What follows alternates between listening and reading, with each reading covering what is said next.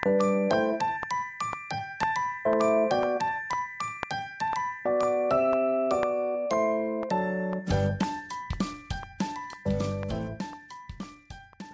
til podkasten Godt ljug, der Ida og Cecilie snakker om gammel film, ny TV og ellers andre gode historier. I dag er vi endelig tilbake igjen på gammel film. Dirty Dancing. Ja, hurra! Og tusen takk, Ida, for at jeg fikk lov til å Ja. ha denne. Ja, jeg Ja. er jo spent på hvordan om vi skal bli uvenner for livet etter denne Å, det er spennende. men For en trailer! For! Det får vi bare se på. Ja. ja. Jeg må bare advare deg. Jeg har ingen ironisk distanse til denne filmen i det hele tatt. Nei, det, det, Sånn er det. Det, det vet jeg jo at ikke du Ja. har. Jeg er veldig glad. Denne er jo, det er jo lytterønske, vil jeg si. Ja, altså, Så vet jeg jo at du er veldig Ikke min skyld at ser den, men jeg er veldig glad. Ja, ikke sant. Um, vi kan jo Altså, denne filmen Jeg går ut fra at ethvert menneske som hører på dette, vet hvilken film Ja. vi snakker om her. Ja, Det man Eh. Men man kan jo, du pleier jo å være god på å Ja. finne rare synopsis, så Ja da. kjør på. Eh, og det er bare sånn helt i korte trekk, så Dirty Dancing, altså. 1987, Patrick Swayze og Jennifer Grey. Em, jeg har funnet et synopsis som jeg fant på Google, Ja. um, som går som følger på engelsk. While holidaying with her parents at a resort, Frances is smitten with the resort's rebellious dance instructor. However, her father opposes the relationship, causing ripples in her family. Ja, ok. Punktum. Ja, det var veldig rart. Det var et rart eh, Ja, det er veldig rart, Det. Har du et eget synopsis? Jeg har flere. Em, jeg har uh, Ufordragelige Frances prøver egenhendig å redde arbeiderklassen fra seg selv. Eh, det sa jeg til. Surmulende danser ligger med unge og gamle på skummelt ferieklubbhotell. Ok, jeg skjønner hvorfor du sier at vi Jeg har også kan et tredje. Pamflett for fri abort kamuflert som dansefilm. Den siste var, den siste var veldig god, syns jeg. Ja, det, det er jo det er jo det det er, og det er, ikke, det, det er jo ikke noe galt med det. Nei, jeg har jo bare ett synopsis, og det er Patrick Swayze er verdens beste mann. Eller var da. May he rest in peace. Men jeg er så ubehagelig i denne filmen. Herregud, altså. Jeg holder det ikke ut. Oi, oi, oi. Men eh, ok, skal vi, skal vi liksom gå historisk til verks i forhold til oss, da? Hvor, hvor var du når du så denne filmen for Ja, første altså, gang, siden, jeg- siden du har fått den i halsen? altså, den, jeg prøver å huske at jeg var russ eh, det året denne filmen kom ut. Ja, så klart.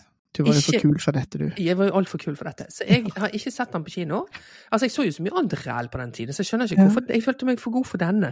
For det, at det, det er jo liksom dødelig våpen og den slags som liksom gjelder ikke. Står tidens tann på noen som helst måte. Men eh, min mikropartner så jeg, på- jeg så på sånn liste over 1987-filmer. Det er mye, mye ting der som jeg husker at jeg har sett på kino. Altså, denne I Shrank My Partner? Eh, nei, ikke Han. Altså, han eh, som sender inn eh, Ja, han som sender han inn i seg sjøl. Å Sånn, ja! ja. Den med han Dennis eh, Quaid? Ja, Dennis ja, Quaid. og sant? han andre. vi må, hvis vi skal snakke om den filmen, så må vi ha litt tid til å lese oss opp. Ja, ja, ja. Nei, vi, må, vi, vi går fort forbi dette. Ja. Nei, Ja. eh, så jeg har nok Jeg så ikke den på kino, og jeg på dette tidspunktet Det som er rart, er jo at jeg elsket jo Nord og Sør. Men jeg Ja, husker veldig godt at jeg foraktet Patrick Swayze på dette tidspunktet. Jeg vet ikke hvorfor, men jeg tror det er noe sånn fløtepuseaktig noe som ikke appellerte til meg på dette tidspunktet i det hele tatt. Nei, heller ikke nå, da. Du, du liker jo ikke fløtepuser nå. Nei, men her liker jeg han ikke fordi at det er liksom er så dårlig skuespiller er det ikke nødvendig å være. Det, det må man ikke være. Det er bare ingen, altså, jeg, må bare holde mitt sinn åpent for at du har rett, siden det er ikke, det er ikke Cecilie 50 som er med i podkasten i dag, det er Cecilie 14 som er Og med i Cecilie 14 skal også få lov å si noe. Så du fortell da, Cecilie 14, hvor var du når du så denne filmen? Eh, jeg, jeg tror 90% sikker på at vi var på, i, på kino i Stavanger. Når jeg så den Ja. første gang. Og det er jo sånn altså Det å reise på kino til Stavanger, det involverte jo at foreldre måtte kjøre. Ja. Altså det, det var så logistisk vanskelig. Eh, at det mest interessante med denne kinoopplevelsen var at vi reiste tilbake igjen og så han liksom en uke etter på Sandnes. Eh, og, og det å liksom både økonomisk og logistisk ha mulighet til å se film på kino to ganger Ja. i løpet av ei uke eller to, eh, forteller deg litt om hvor stort dette var. Altså det var bare helt sånn Vi var bare helt tause i bilen hjem. Var Eh, og foreldre med og så filmen òg, eller? Eh, ja, i hvert fall første gangen. Det er jo sånn var det. For vi reiste ikke til Stavanger alene da vi var 14. Det gjorde vi ikke. Eh, jeg bodde jo langt ute på bygda. Mm. Eh, ja, og bare det klarer jeg ikke å tenke på engang. Men jeg tror ikke det var mine foreldre. Det hadde jeg husket. det var sikkert hennes venninne min sin. Ja, det er jo røft, og en røff film for en 14-åring å se med foreldre, tenker jeg. Ja, ja, ja. ja. Uff. Ja, vi var jo inne på dette med The Blue Lagoon når vi snakket Ja. om den. Eh, nei, men det, jeg husker ikke noe skam i det hele tatt, så, så Så det var noen andre sine. Det må ha vært noen andre sine foreldre. Um, og så så vi den på VHS, eh, liksom så snart han kom på VHS. Det tok vi sikkert et år eller to. Eh, og så hadde jeg eh, soundtracket, og eh, kort fortalt, jeg elsker denne filmen Ja. i dag like mye som jeg gjorde da. Altså, det er jo ting her som jeg kommer til å kommentere som kanskje ikke henger helt på grep, men jeg syns jo at den er den er ennå topp tre sexy filmer som jeg vet om, sånn innenfor liksom mainstream mainstream-kategorien. Um, og så syns jeg det bare sånn De er sånn helstøpt stykke populærkultur. Ja. Det er virkelig uh, Det er håndverksmessig veldig bra gjort. Og så er det jo på en måte Altså, det er ikke Det å gjøre en klassisk kjærlighetshistorie som dette er, det er jo litt sånn Romeo og Julie-aktig, eh, om til et epos om brytningstiden i Amerika. Det syns jeg er liksom Det er godt gjort. Så jeg vil gjerne slå et slag for nå. Nå føler jeg jeg, må liksom bryste meg opp litt her for å forsvare ja, ja, ja. filmen. Ja da, men det er bra. Det, det, det kan være din jobb å forsvare filmen. Det er min jobb i dag. Ja, det, det er lov. Um, vet, da, da vil jeg begynne med en gang og si sånn innledningsvis at denne filmen den har jo blitt en kultklassiker. Og det er jo ikke fordi at den er en god film, sånn på filmens premisser. Det er den ikke.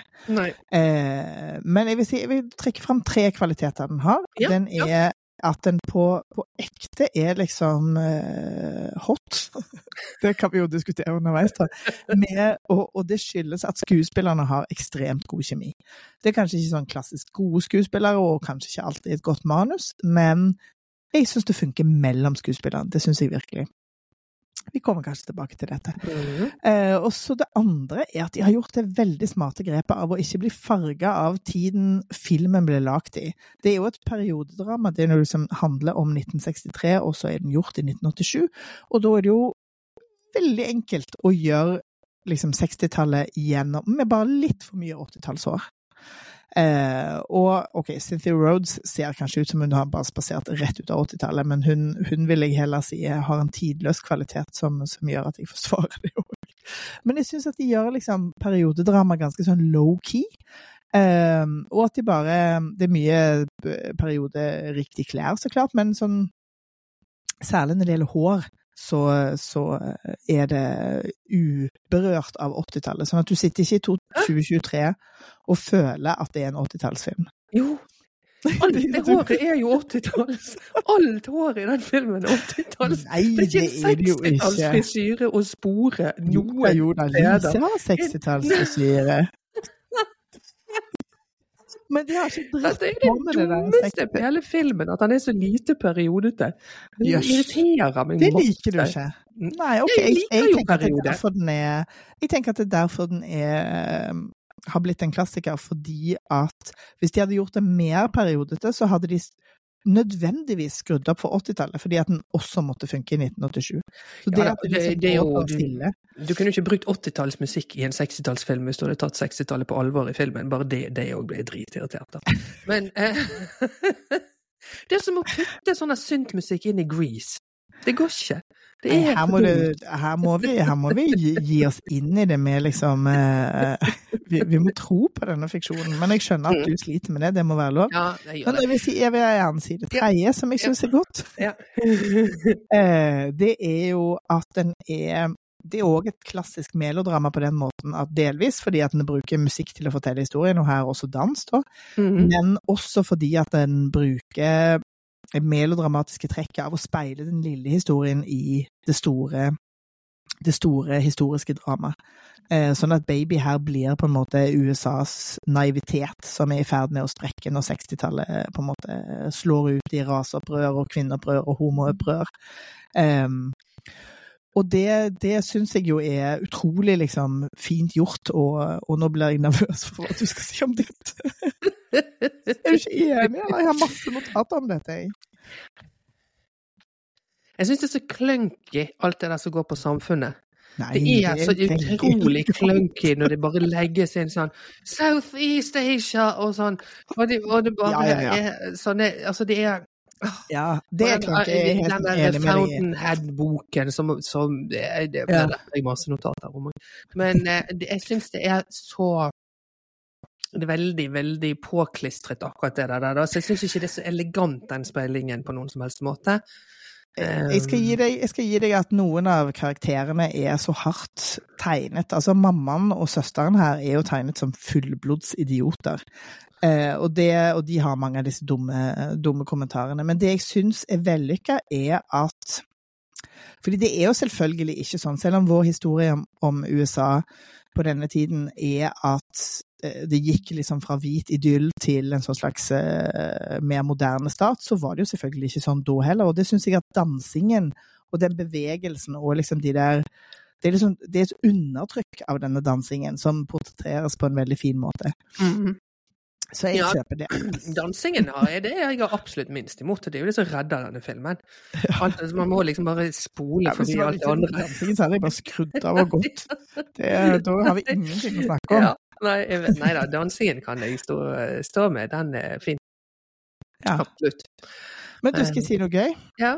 Mm, jeg begynte å regne på det, og fant ut at fra 1963 til 1987 så går det 24 år. Mens fra 1987 til 2023 går det 36 år. Det vil si at det er en og en halv gang så lenge siden jeg så denne filmen på kino, enn det var tilbake til den tiden den portretterte. Tenk det. Det er sjukt, og jeg er gammel, og nå vil jeg bare gå og legge meg. Du er gammel, filmen er gammel, og Mhm. eh, verden er gammel. Rett og Ja. slett. Herregud. Ja, de regnestykkene er alltid så creepy. Det er så sjukt, det. Mm. Herregud. Ja, det syns jeg er uh, Uff. Nei, jeg vet ikke om jeg orker å tenke på. Men bra eh, utregnet. Ja, jeg vil bare legge den der til, eh, til eh, allmenn ettertanke. ja. Uff, men skal vi bare begynne å snakke om filmen, kanskje? Ja, vi kan begynne å snakke om filmen. Jeg har masse sånne eh, småting men som det kan jeg jo ta sånn underveis når det passer. For det er mer sånne fakta som jeg har eh, funnet ut av. Eh, annet- jeg kan ta ett først her, for det syns jeg var, det var så gøyalt. Det er den første filmen i verden som selger mer enn én million eh, VHS for hjemmemarkedet. Der ser du, vet du. Det, Det var jo ingen som hadde tro. Ja, det er det. Så det var ingen som hadde noe tro på denne filmen, så han skulle bare gå en liten uke på kino, og så var det video. Den var, den var jo laget for nesten ingen penger. Sant? Sånn at Ja. den skulle, det var hele poenget. Så ingen som hadde ingen distributører eller ingen. Det var til og med en av investorene som hadde sagt på et tidspunkt vi skal ikke bare brenne filmen og ta, ta forsikringspengene for liksom ødelagt ødelagt Ja. Så Men, men eh, du noe om hva de ikke trodde på, eller var det målgruppen, og at det var liksom Eh, ja, altså for noe Det er jo litt sånn varierende, tror jeg. Altså for noen er det jo veldig forstyrrende med den aborthistorien. Ja, ok, sånn. ja. Eh, og mye så vil jeg tro at det er sånn menn som ikke tror på, på eh, kvinner. Sant? Sånn at de Ja. forstår ikke hvor eh, hva attraksjonen er her. For jeg ser jo attraksjonen eh, i kåtheten rundt eh, var bare at jeg ikke var opptatt av han da. Det, det er fint. Det, det ser jo, men det, disse Studio X-sekene har nok ikke sett det. da. Nei. Men det er interessant, fordi vi, det er jo bare fem år mellom oss, og på nå er vi jo i samme generasjon, men på dette tidspunktet Du hadde jo en helt sånn meltdown over St. Elmo's Fire når vi snakket om den. Ja, Som ja det syns jeg du sånn- var helt Ja, og, og da, da, da tenker jeg liksom Det er bare to år tidligere, men da var du et helt annet sted Mm. Men jeg tror det, han, det han, var en um, artikkel jeg kom over i sted som jeg ikke fikk lest, fordi det refererte til en bok som hørtes spennende ut, som handlet om um, akkurat den første generasjonen som er oss, da, som får video. mm. eh, der du er Som er de første som sånn eh, repetitivt ser samme filmen Ja. om igjen og om igjen om igjen. I, og det er de, akkurat disse her type filmene, i en sånn fase mellom du er 12 og 15, så kan du se en film en million ganger. Du ser den ikke igjen siden, kanskje, men du går videre i livet og hevder hårdnakket at St. Elmo's Fire er en kjempegod film. Fordi det, det er den reputasjonen og suggereringen du har avstått inn i i akkurat de der Det er som imprinter på deg. Ja. Mm. Og det er liksom det er fordi vi var så det, altså det, det fantes jo ikke før. Det, som du sier, måtte foreldre til for å kjøre til Stavanger. Alt det. Men så akkurat i dette skjæringspunktet så kommer også videoen. Mm, det Mm. er sant. Ja, og det er jo ikke bare så, lånte vi den om og om igjen på videobutikken og så den på venninnen min sin VHS, fordi det hadde vi så klart ikke hjemme hos meg. Men i tillegg så stoppet vi, det var liksom en forsøkte å pause akkurat der som eh, Patrick Swayze går ut av sengen for å se om vi kunne se skygge av penis. Um, og når jeg så han igjen nå, så innså jeg at det var nok sikkert fordi at vi trodde at penis var erigert hele tiden. Vi hadde ikke fått med oss det der at liksom Han At den hang. At den hang. Så dere så opp mot navlen, liksom? Ja, ja. Eh, jeg skal screenshotte denne der vi pauset. Det Denne historien har du, du fortalt til meg alltid eh, mange ganger, som jeg har syntes har vært gøy. Og jeg prøvde Ja. å se hvor- det kunne være. Ja, ja. Det det er ikke lett å se, skjønner du. Det er bare sånn Det er et splitt sekund der du ser liksom skinka låret til Patrick Swayze når han svinger seg ut av sengen for å ikke vise noe. Han har jo ikke truse på. Eh, og da tenkte vi at nei, nå, jeg så noe! Jeg så noe! Spol tilbake! Jeg så noe! Sånn holdt vi på. Så det var the female gaze eh, Ja, på alle mulige måter. Ja, det er koselig å tenke på at vi satt der og Ja, det er det. gasset oss opp. Ja, det er det. Dirty Dancing. Og i går så leste jeg at eh, snittalderen for når barn blir eksponert for porno er 11. Å, herregud. Så det er betraktelig koseligere å spole tilbake Ja, det er det virkelig. i 14-årsalderen eh, til noe som ikke er der. Ja. Jeg skal sies at jeg hadde blitt eksponert for porno året før. Ja. Nei, ikke året før, men når jeg var ti. Eh, fordi at vi, vi fant noen pornoblader i, i skogen. I sko- Ja, selvfølgelig. Skogen var Så det, på den måten er det ikke så veldig idyllisk. Men dette var absolutt en hyggeligere opplevelse enn enn Ja. de rare bladene. Det er klart det. Ja. Ok, skal vi bare gå i gang, da? Det- i gang. Ja. Begynner jo veldig fint. Det er jo, det er jo ikke noen tvil om at soundtracket her er, er eksepsjonelt bra. Åh, det, det. det er så bra. Herregud. For det det er jo jo sort-hvite bilder. Ja, i, i uh, vignetten, ja. Og det er Be My Mhm. Baby med The Ronettes, er det vel de Ja. er det ikke det? Som Ja, er, du, du er musikkansvarlig her i poden, så det, det og den er jo kjempefint. Og, og her Mhm. er det supersexy dansebilder rett av, liksom. Ja. Litt sånn uh, slow-mo og, Mm. og veldig tett på, og i sort-hvitt, som jo Ja. gir det en sånn slags historisk, dokumentarisk uh, Ja. følelse.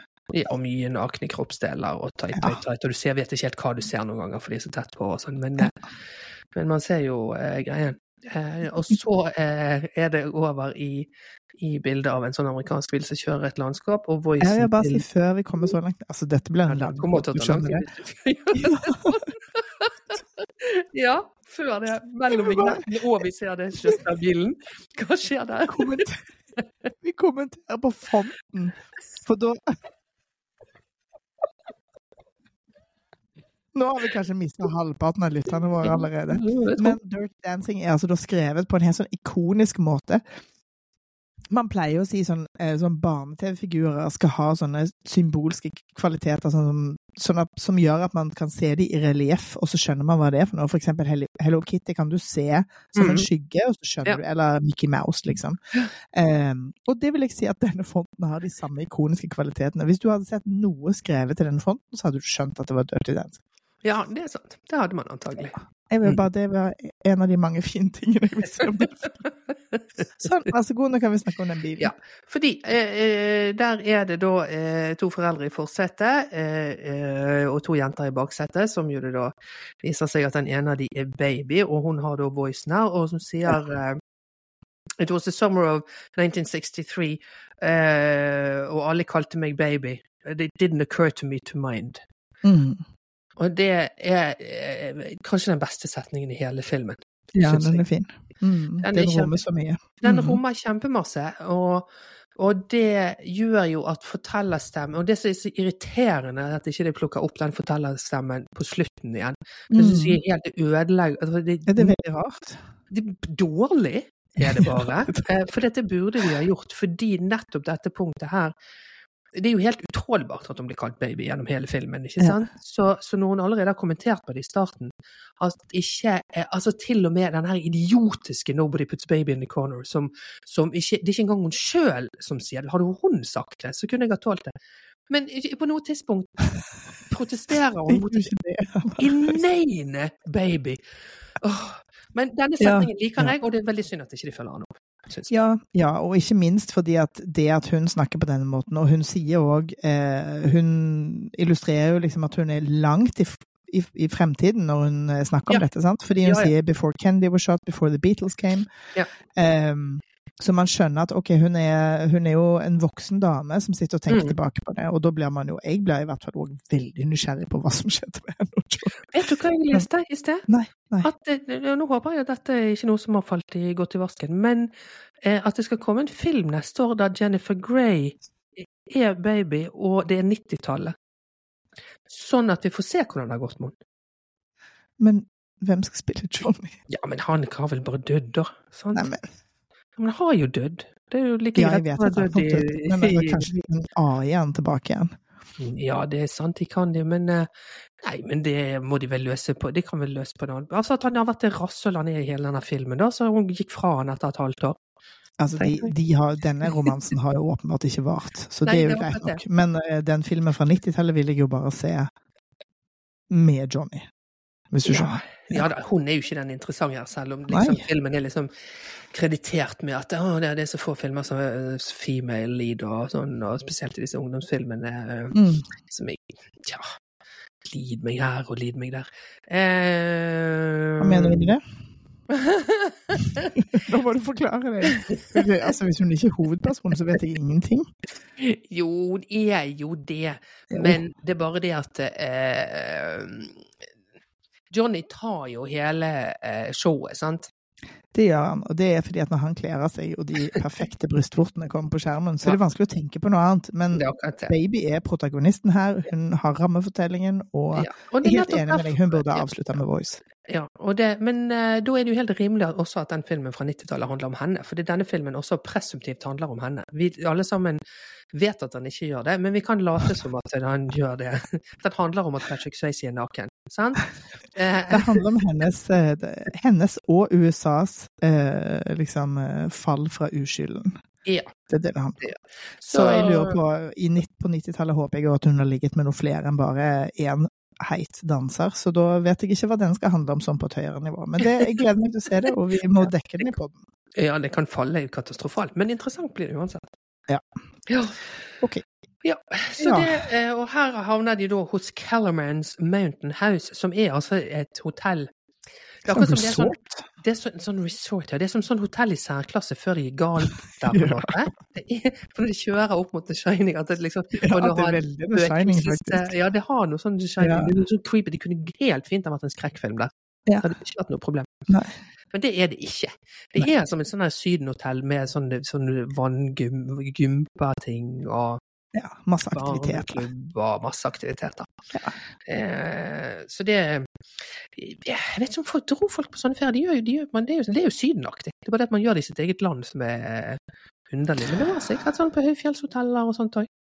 Ja, det gjorde aldri vi, så jeg vet ikke, men eh, helt sikkert. Det er jo, dette er jo overklassen som reiser hit, Mm. åpenbart.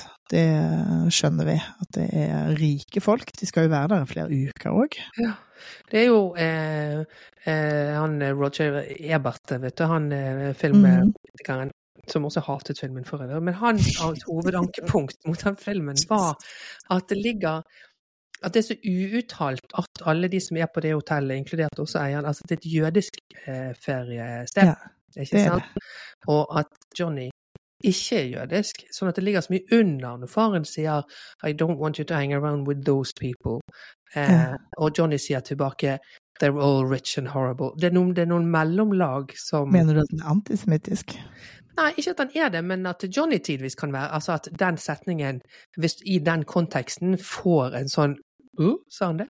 Men på 60-tallet så kunne folk Mhm. tillate seg å si hva som helst. Så Um, Men det er så ukommentert, Uh, og jeg vet ikke hvorfor det er viktig, men i amerikansk setting så er jo sånne ting ofte annerledes, sant? Mm.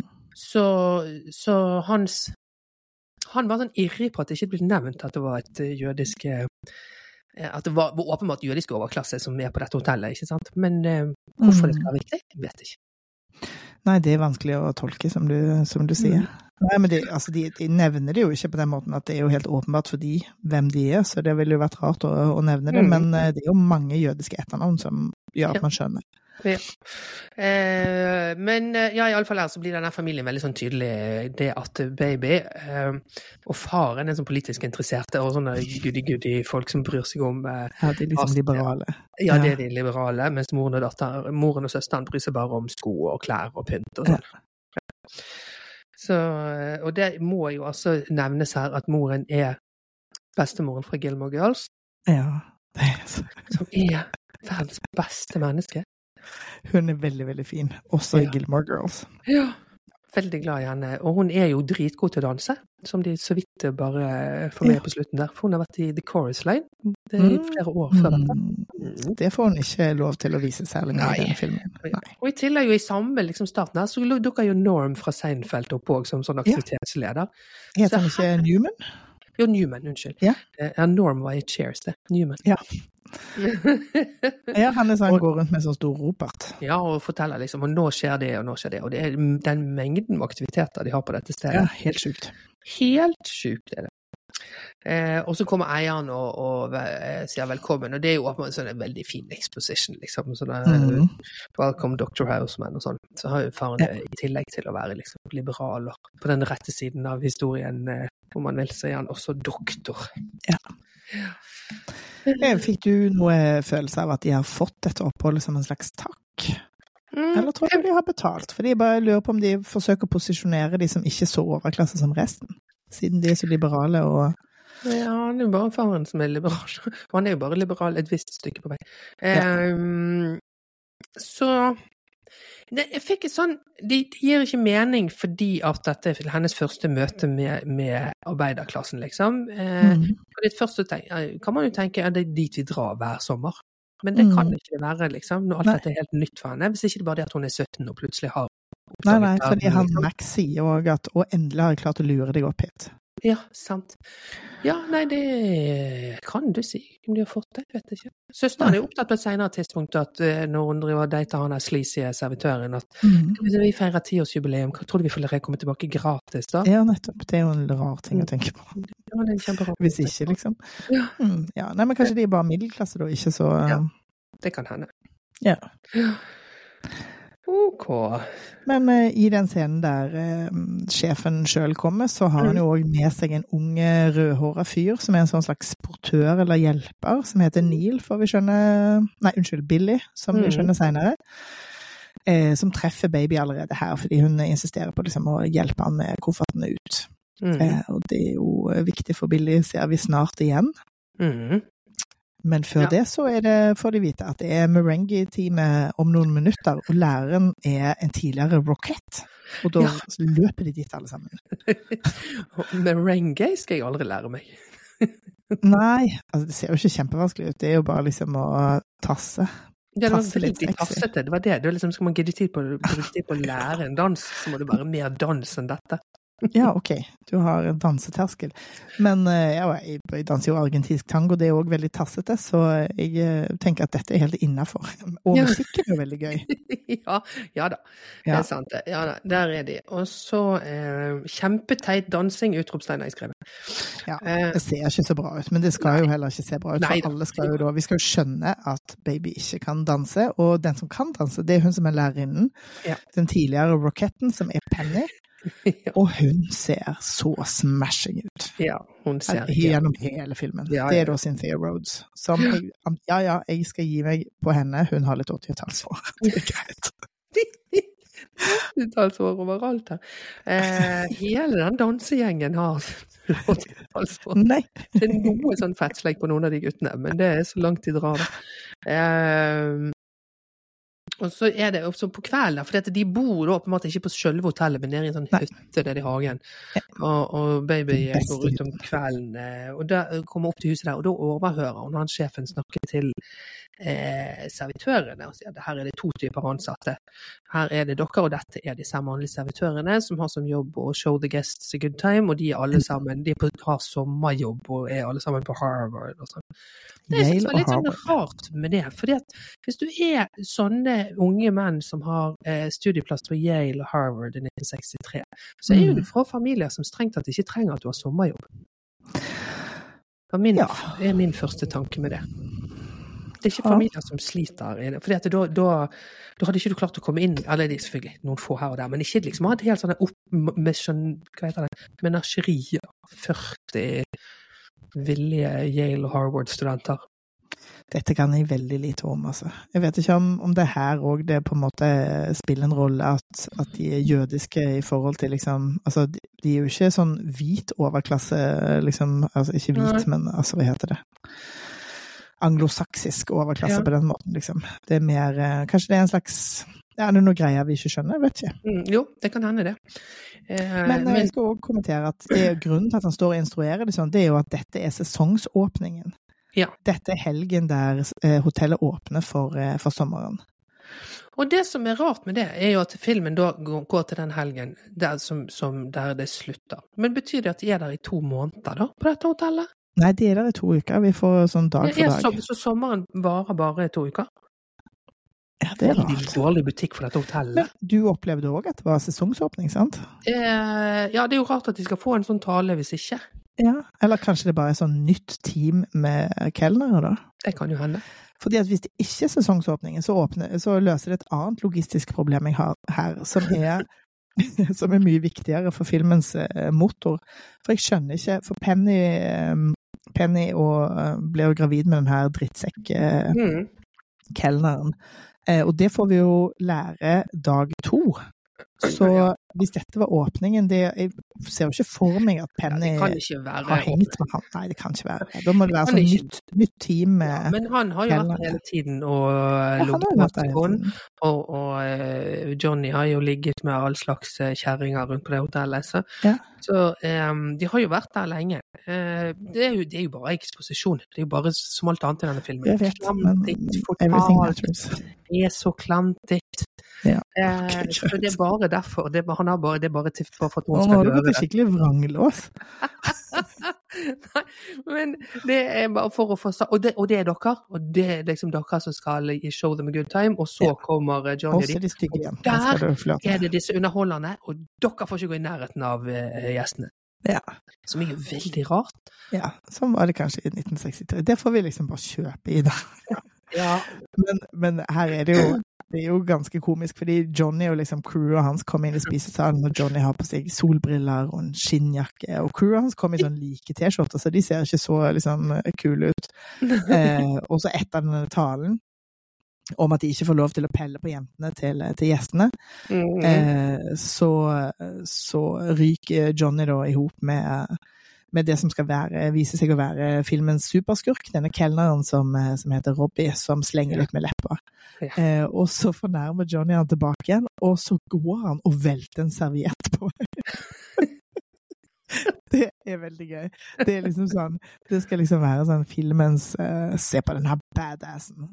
Det er ikke kjempe-badass-aktig. Men det er ganske Ikke gøy. så. Men eh, ja, nei, så det her er det da et setup mellom da at eh, Altså fordi de klarer liksom unngå en sånn eh, klasseproblematikk med eh, alle disse her servitørene som ligger rundt med gjestene. For det er greit fordi de går på Yale og sånn, Ja, ja. Det det som mens de andre ikke får lov til det. Ja. Man ville jo trodd generelt at man kunne sagt sånn der eh, De ansatte ligger under gjestene. Nei da, det kommer helt an på. Ikke 1963. Nei, det er klart at hvis dette er 1963. Dette er jo bare inni denne dumme filmen. Det er jo ikke, det er ikke et hotell i verden i 1963 som hadde Dette er hatt en dokumentar, og sånn skal det alltid leses. Nei, men det er vel jeg kan, Det er derfor de er nødt til å være eh, sånne Yale-students, de her folkene. Men jeg kan godt se for meg at hvis datteren din har en romanse med en kelner som også er liksom legestudent, så er det noe helt annet enn enn hvis en flyr rundt med en trommeslager. Ja, Det men i ikke rart. 1963 er vi før p-piller og alt, alle typer romanser med noen som helst eh, sånn eh, irregulært på sommerferie, er ikke applauderte på denne måten. Ok, Du var jo født i samme, år, i, samme tiår som denne filmen kom ut, så vi får, vi får bare si at du har rett det. Ja, Men jeg tror på det i denne filmen. Ja, nettopp. Um, Så er vi over i neste dag der de spiser frokost her, og, um, Og det er litt sånn banter i familien om at eh, det baby driver gud, så kjapt du går forbi Ja, her. vi er Jeg har masse kommentarer. What? Har du? Eh, For eksempel så har vi Vi får Vi, vi eh, møter et par flere eh, karakterer. Vi får vite at Robbie heter Robbie Gould og er da en av disse medical students. Og så får vi vite Så treffer vi nevøen til Max, som på en måte skal ta over dette hotellet på et Sønnesønn. tidspunkt. Sønnesønn. Og sønn. Ok. Fint. Eh, så barnebarn til Max, han heter Neil. Ja, dette er jo på under frokosten. Nei, vi har ikke hoppet over noe når vi bare gikk fra den kveldsscenen der hun står og sniker inn døren. Eh, og så er vi jo over til at de spiser. Ja, ja, ok, og det er på frokosten. Ok, Ja, fint. Fordi at hun skal sende absolutt Og det er så mye mat her, vi må sende restene til eh, Asia. Ja, altså. ja, ja. Okay. Eller moren sier Er de sultne i Europa lenger? Nei, de må sendes til Asia. Ja, men fint. Jeg var, jeg var på en hel side med notater som hoppet over. Jeg ble, jeg ble stressa. Ok, Neida. men fint. Vi er på frokosten. Ja, så der kommer det jo, og, eh, og han er altså så forferdelig, han der der sønnesønnen. Han er helt grusom. Ja, så du pleier å si at han er et, eh, sånne folk har et klassetryne, Han har et hvilket er et helt utmerket Han er eh, uttrykk. har et presist klassetryne, denne. Ja. For det, da får vi jo liksom siden Anna også skal introduseres, og så skal hun da vise det seg at hun skal begynne å studere Economy of underdeveloped countries. og så skal hun i Peace Corps, og dette sitter hun og sier med sånn smøgd. Hun er så Ja. smøgg når hun sier det. Hun er Jeg er så mye bedre enn alle andre i hele verden. Absolutt. Eh, Hun er jo looken 17, på altså, det er lov Ja, ja, å tenke sånn. Hun er absolutt, ekstra fornøyd med hvor, hvor bra hun er. det er sant. Og Ja. han, han kontrer dette med at han skal til Mississippi på sånn freedom ride, som igjen er sånne der, eh, ting som er kastet inn i filmen for å sette oss i tid, og denne tiden som kommer. Mitt problem med det er ikke å sette på denne karakteren. Han hadde aldri i hele verden Nei, men altså, baby tror sånn. heller ikke på han. Hun Nei. bare sender han et blikk når han sier det. Og at det er jo bare for å karikere han som utroverdig. Og han er jo liksom totalt egoistisk. De driver og danser på Vi er jo nå allerede på kvelden her igjen. Eh, og de driver og danser på eh, på gulvet, og han bumper liksom borti gamle par som danser ved siden av dem. Så han er bare en sånn eh, Man skjønner umiddelbart at han det- er en drittsekk. Ja da, men, men issuen jeg har, er at han er ikke en fyr som ville brukt dette som skryt. Han ville synes alle som gjorde noe sånt var helt latterlige. Men han forsøker jo å smiske seg inn på henne. Ja, men han ville ikke smisket seg inn på henne med noe sånt, fordi at han ville ikke ha det hadde ikke foresvevet denne karakteren at dette, dette er ikke ordet er tatt i min munn. Jeg ville ikke ha Og så fuckings eh, gøyal hun heller ikke når hun sitter og surmuler i dum cardigan. Sånn at eh, det, er ikke, det, er ikke, det er ikke troverdig å skulle måtte smiske seg inn. Spesielt siden ikke de har spesielt mye penger i denne familien heller. Men Hvorfor? det tror vi, da. Ja. Men eh, Nei, jeg nei nå tror jeg, jeg, jeg, det, er en dårlig skrevet altså det, Han er jo en jævla dårlig skrevet karakter, for han er sånn Han er sånn supervillain. ja, det er jo- Han er klippet ut i papp, det er han. Ja, Det er han absolutt. Men man skjønner hans funksjon her. absolutt. Eh, og det viktige er jo òg at, at baby har jo ingen sånn Altså, hun kunne jo ha satt ham på plass på et øyeblikk, det har vi jo allerede sett, men hun bare liksom lar seg drive med på de, de rareste Mm. ting. Han skal han skal Seinere i scenen så skal han ha noen sånne leker som han bare involverer henne i, der hun er nødt til å ligge i en sånn trylleeske og bli sagd i to, så får hun en høne for strev, altså bare sånn totalt ydmykende. Så hun har heller ingen Hans funksjon er òg å vise at hun har ingen evne til å forsvare seg. Ja, det kan du si. Eller bare er bare helt fluff i hodet. Hun har bare den ideen om The Peace Corps, liksom, men hun er Hun har Ja, ikke noe grep. Hæ? Ja, ja, ja. Ja. Nettopp. Derfor skal ikke danseinstruktører på 36 ligge med henne. Mitt- er ikke 36. Han er jo, er det sjøl på dette tidspunktet. Ja, ja, men hun er jo nesten 30 på dette tidspunktet. Ja, da. men nei, hun skal jo være 17. Jeg syns han ser ut som han er 36. Han oppfører seg som han er Men du kan ikke 36. bruke Nei, han er kanskje 25 her. Det, jeg er enig, det er altfor gammelt til å ligge på noen, eh, med noen på 17. Men uh, dette er 1963, og her får vi bare akseptere at det var annerledes før. I dag. stor mindre grunn til det.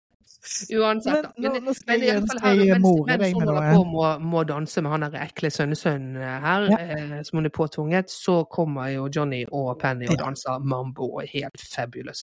Å, det ser så fint ut. Det er jo det første hun viser interesse for, ikke sant? Hvem er de? Liksom. Ja, hun så han jo òg i den scenen Ja. der eh, Ja. han ble tilsnakket, men, eh, og fikk interesse for han der. Men nå, altså, nå er det jo bare sex on legs når de ja. danser her. Ja. Veldig, veldig sexy. Penny sparker beinet sitt opp, eh, liksom eh, leggen sin opp på eh, skulderen til Johnny mange ganger. Han drar henne rundt, og så blir det for sexy for, for Ja. Max, som bare sånn kutt ut. Ja. Og så må de, Ja. så må de danse med gjestene isteden. Men mens dette skjer, nå skal jeg distrahere deg med en gøyal historie som Mhm. du skal få fortelle sjøl. Mens dette skjer, så har vi en orkesterleder som er en gammel, sort Ja. mann som, som driver og stepper litt. Eh, Danser litt med Max og de gamle venner. Eh, og da kom jeg altså til å tenke på den gangen du gikk på steppekurs. Mhm. Og steppa, steppa i stykker hele Ja. Kan ikke du steppa i fylla? Kan ikke du fortelle den Jo. historien? Det kan jeg jo gjøre. Jeg gikk jo på steppekurs. Det ser så gøy ut med stepping, og jeg er jo glad i, i musikaler. sånn. Så jeg begynte på steppekurs. Var ikke noe god. Jeg hadde kjøpt de billigste skoene, for jeg tenkte jeg er ikke sikker at jeg skal gjøre dette. Så de var jo vonde og fæle, og det gjorde ikke noe lettere å lære. Men jeg kom, jeg kom hjem fra fest en gang og var ganske påseilet og fikk det for meg at jeg, nå har jeg knekt denne koden inni hodet mitt. Så jeg fyrte på Sinatra-ting hele natten og steppet i vei. Og jeg syntes jeg var kjempegod. Jeg gikk og la meg, og så, så våknet jeg om morgenen og innså jo først da at jeg hadde sånn mykt tregulv som bare var oljet og ikke lakket. Så det var, det var sånn hakk i hele gulvet, og sånn svart hæl. Så, så da måtte jeg, og det var jo fyllesyk og fryktelig, men da måtte jeg bruke hele den søndagen til å skure opp. Det er jo fordelen med at det er et ol- det et oljet. Ja, bare. Grønn såpe opp, liksom. Ja. Det måtte jeg gjøre en hel søndag som straff. Men jeg blir aldri noe god til å steppe. Han her er jo Ja, han er god. Han er helt relaxed. Ja, ja. Jeg tenker litt på eh, naboen din under deg i borettslaget, som klokken tre om natten fikk en sånn steppekonsert. Trøsten er jo at det er liksom over stuen, og at antageligvis forhåpentligvis var hun på soverommet sitt og Det ikke får vi håpe. Ja, men det var gøy. Det, det morer ting med mye mer å tenke på. Takk for at du tok en repeat på det. Det um, topp. Nei da. Eh, så eh, ja, Og så blir hun jo da saget i to, som du var inne på, i sånne dumt trylleshow. Vinner en høne. En levende høne. Og det er ikke nevnt verken før eller siden. Hun bare går av scenen med denne hønen. Hva gjør hun med han? Hvor blir han av? Han er jo åpenbart en byjente. Hvordan det var, altså, Ja, men det er, vel, det er vel en spøk i det. at De tar vel tilbake den hønen og hugger hodet av den. dårlig spøk. Ja, men det er 1963. De hadde dårlig humor her. Det Dette skal er jo 87-dårlig humor, mener jeg. Ja, Nei, jeg blir irritert av. Og, og, og han Newman det viser seg å være standuper ja, ja, ja. Han er sånn. overalt her. Og Nøyaktig samme karakter som i Seinfeld. Ja, og når, etter at baby har sluppet opp, får vi tro, da, fra seg denne hønen, så sniker hun seg over i The Staff Quarters. Ja. Stort hus med masse musikk. Ja, Hva er dette sånn skilt, sånn staff, staff only, keep out. Eller noe sånt, sånn skilt. Skummelt. Ja, og der kommer han eh, karen fra starten der, eh, Ja. eh, Billy, med, med tre gigantiske vannmeloner. Og dette huset ligger oppe på en klippe, det ser ut som en sånt skurkehus i James Bond. Ja. Eh, opp masse sånn trapper opp en fjellside. Ja. Der, Og for å komme dit, så må man Hun treffe han på en liten trebru som går over en Mm. liten bekk, som er, Ja. så skal bli den symbolske broen der hun vinner sin feminitet i løpet av filmen. Eh, og han blir kjempestressa og bare sånn 'Du kan ikke være her', og 'Jesus Christ', og Men så får hun til slutt lov til å være med, fordi at han har da tre av de her gigantiske vannmelonene. Og de vannmelonene Jeg husker da jeg var barn, så var det sånne avlange vannmeloner i um, i bøker, i barnebøker. Ja, og i Donald og sånn. Og Donald og sånn. Og jeg bare sånn, hvorfor kan vi ikke kjøpe disse i Norge? Det kan man ennå ikke gjøre. Det er kanskje sånn klimakrisemessig helt Hvorfor ok. har runde, liksom? Er det du Ja. Er det Mm. forskjellige sorter, eller har de en sånn uh, klemmemaskin som gjør Kan du si det må vi finne ut av? Ja, kanskje. Eller jeg vil bare kommentere det. Ja, Ja, ja, ja. Men det er i hvert fall tre sånne gigantiske avlange. Så hun bærer den ene opp mm. den gigalange trappen, og de kommer opp til dette huset. Billy åpner denne døren, og der er det altså så deilig mye grisedansing. Det er den Altså. scenen som gjør meg lykkeligst i denne filmen. Er Den er denne. så fin. Den er Ja. helt nydelig.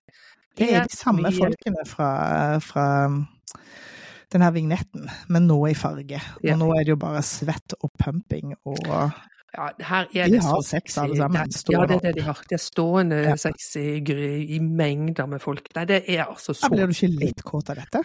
Jo, Ikke denne det scenen syns jeg er helt vidunderlig. Fint. Absolutt. Takk. Eh, Men det her er det jo ingen, det jo ingen som sier noe, så det hjelper masse. Ok, Men jeg, jeg bygger på det vi har til felles her, og liksom Ja. klamrer meg til dette. Ok. Nei da, det syns jeg er helt topp. Eh, og, og baby blir bare helt eh, så, Hvor har de lært dette? Ja. Billy er sånn nonsjalant. Så, Nei, altså hjemme så danser alle ungdommene sånn i kjelleren. Ja.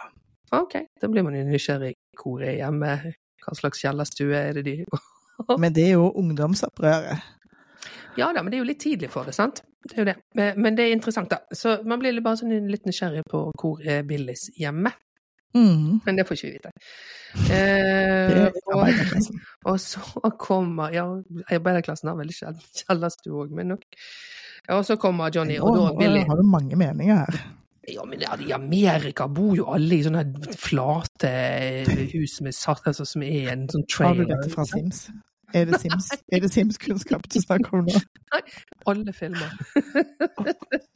Er Men iallfall så kommer Johnny, og, og Billy eh, er veldig snill og og er ganske kjapp med å si Og der er min fetter. Johnny Castle. Mhm. Så får hun jo navn på eh, Og når han danser med, med Penny og, og eh, Baby sier at de ser så fantastiske ut der ute. Og Billy igjen, som vårt orakel i denne filmen, sier eh, ja, men de er ikke sammen, altså. Yeah. Billy er den eneste som gir liksom god informasjon i alle setningene han sier. Han sier aldri en setning som ikke liksom har sånn exposition for de neste fire scenene. Det er fint det jeg sier. Godt håndverk. Eh, Nei, så det ser jo at hun blir liksom veldig lettet over. Skal Ja. vi jo ane. Ja, ja, og hun eh, driver og vugger litt i takt og får skikkelig fot for, eh, for den Mhm. dansingen. Så hun er ikke uberørt, for å si det sånn. Nei, på Um, ingen som helst måte. Og så kommer, kommer Johnny bort til de og så sier til baby, hva gjør du her? Så I carry the watermelon. Ja. Den er, jo, den er jo så sitert at den er liksom helt flat eh, Ja. for mening, men den er jo, irritasjonen hennes etterpå er jo lett å kjenne seg igjen i fra Ja, ja, ja.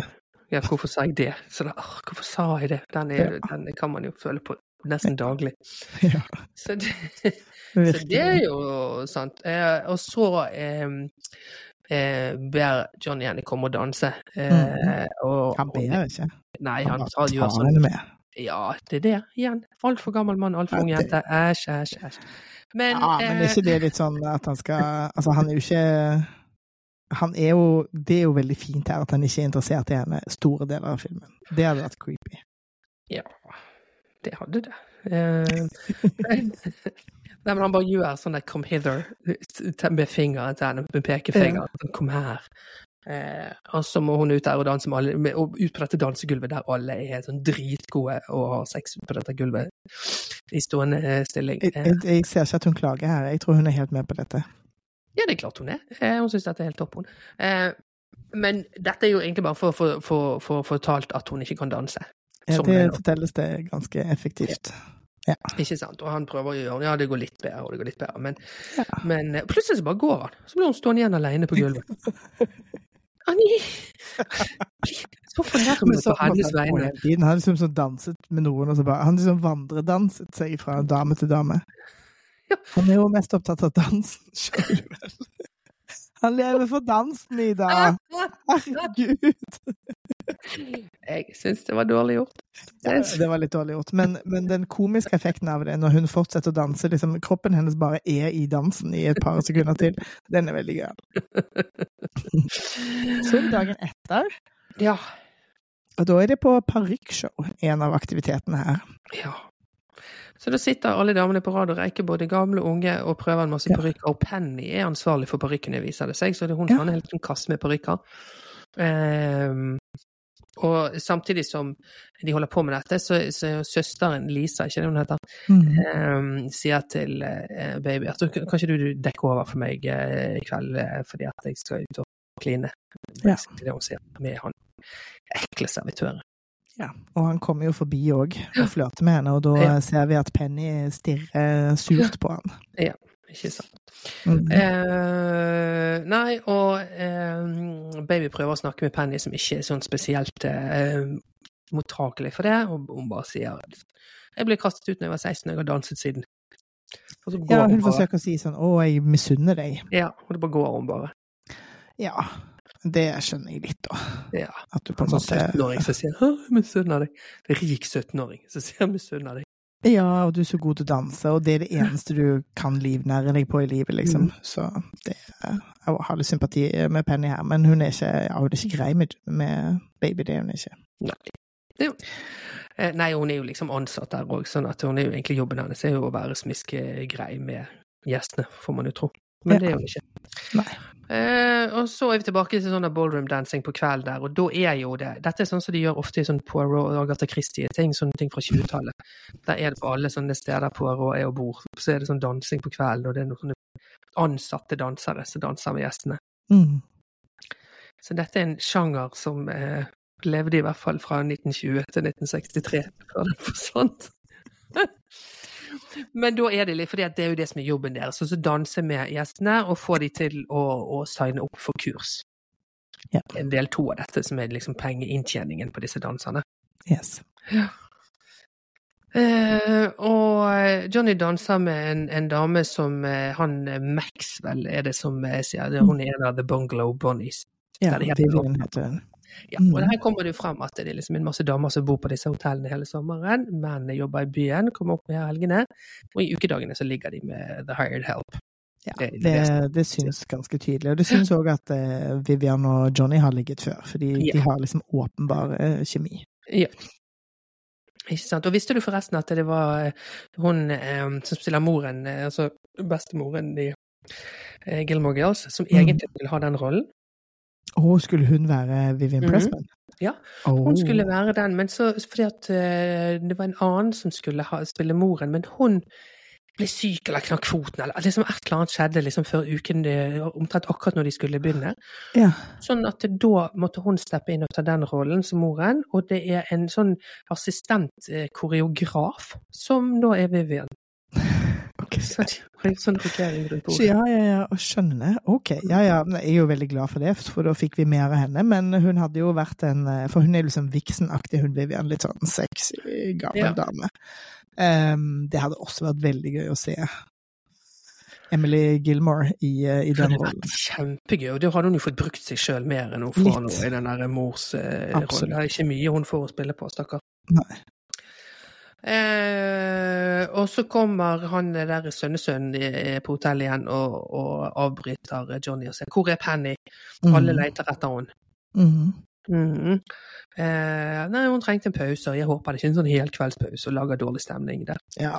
men- Så tar han med seg baby ut til eh, vannet utenfor, og er eh, så creepy crawlies, og skryter av at han klarte å ta en dame fra badevakten i forrige uke. Ja, ja. På grunn av at han har penger. For den har to hoteller. Ja. What does he have that I don't have? Two hotels. Mm. Åh, gud. Det, han, er så, han er så firkantet skrevet at jeg blir helt matt. Ja. Han er ikke en sympatisk karakter. Nei, men det er liksom ikke Han er ikke dårlig usympatisk. Han, han bare kjeder meg. Han kjeder meg så mye. Ok, Nå må vi Eh. liksom være på lag med filmen for å kunne snakke den, men du trenger ikke like det. Det er helt ok. Men her får vi òg første gangen se at um, det går ikke så bra med Lisas dating. Nei! Fordi Nei. at de står der, så kommer Lisa plutselig fykende ut av en busk. Og Robbie kommer etter henne og, og er sur på henne, og hun er sur på han fordi at han åpenbart har klådd på henne. Ja, for hun Eh. liksom retta på klærne sine og sånn. Og da Og vil sier han skal si unnskyld, og så sier han ja. 'in your dreams', liksom. Nettopp. Og da sier det her barnebarnet til Max, eh, Neil der, sier 'I'm sorry you had to see that baby'. Ja, altså. Det er jo i Men det og for seg rare er at baby ikke går til søsteren sin. Hun er bare helt apatisk. Hun er helt lobotomert, liksom. Det er ikke noe egen ja. handling Nei, De er, ikke noe, eh, de er ikke noe gode eh, venner. Og så igjen, da, i 1963, så, så kan man jo være frista til å tenke at det var liksom en sånn quote on quote bad date, mer enn at det var at Nå ser vi det som et overgrep, liksom. Men eh, jeg tenker kanskje baby tenkte at hun, hun klarte seg fint, liksom. Jeg vet ikke. Nå, nå jobber jeg veldig hardt for baby her. Fordi jeg, synes, jeg er helt enig med deg. Seinere i filmen så syns jeg at det er kjemperart at eh, baby ikke forteller søsteren om eh, Robbie. Særlig etter at, at faren har fått vite det. Så er det liksom, hva er faren med at søsteren vet at Robbie er en creep? Det skjønner jeg ikke. Nei, det er jo ikke noe fare på noe tidspunkt. Det er filmens underlig. eneste svakhet.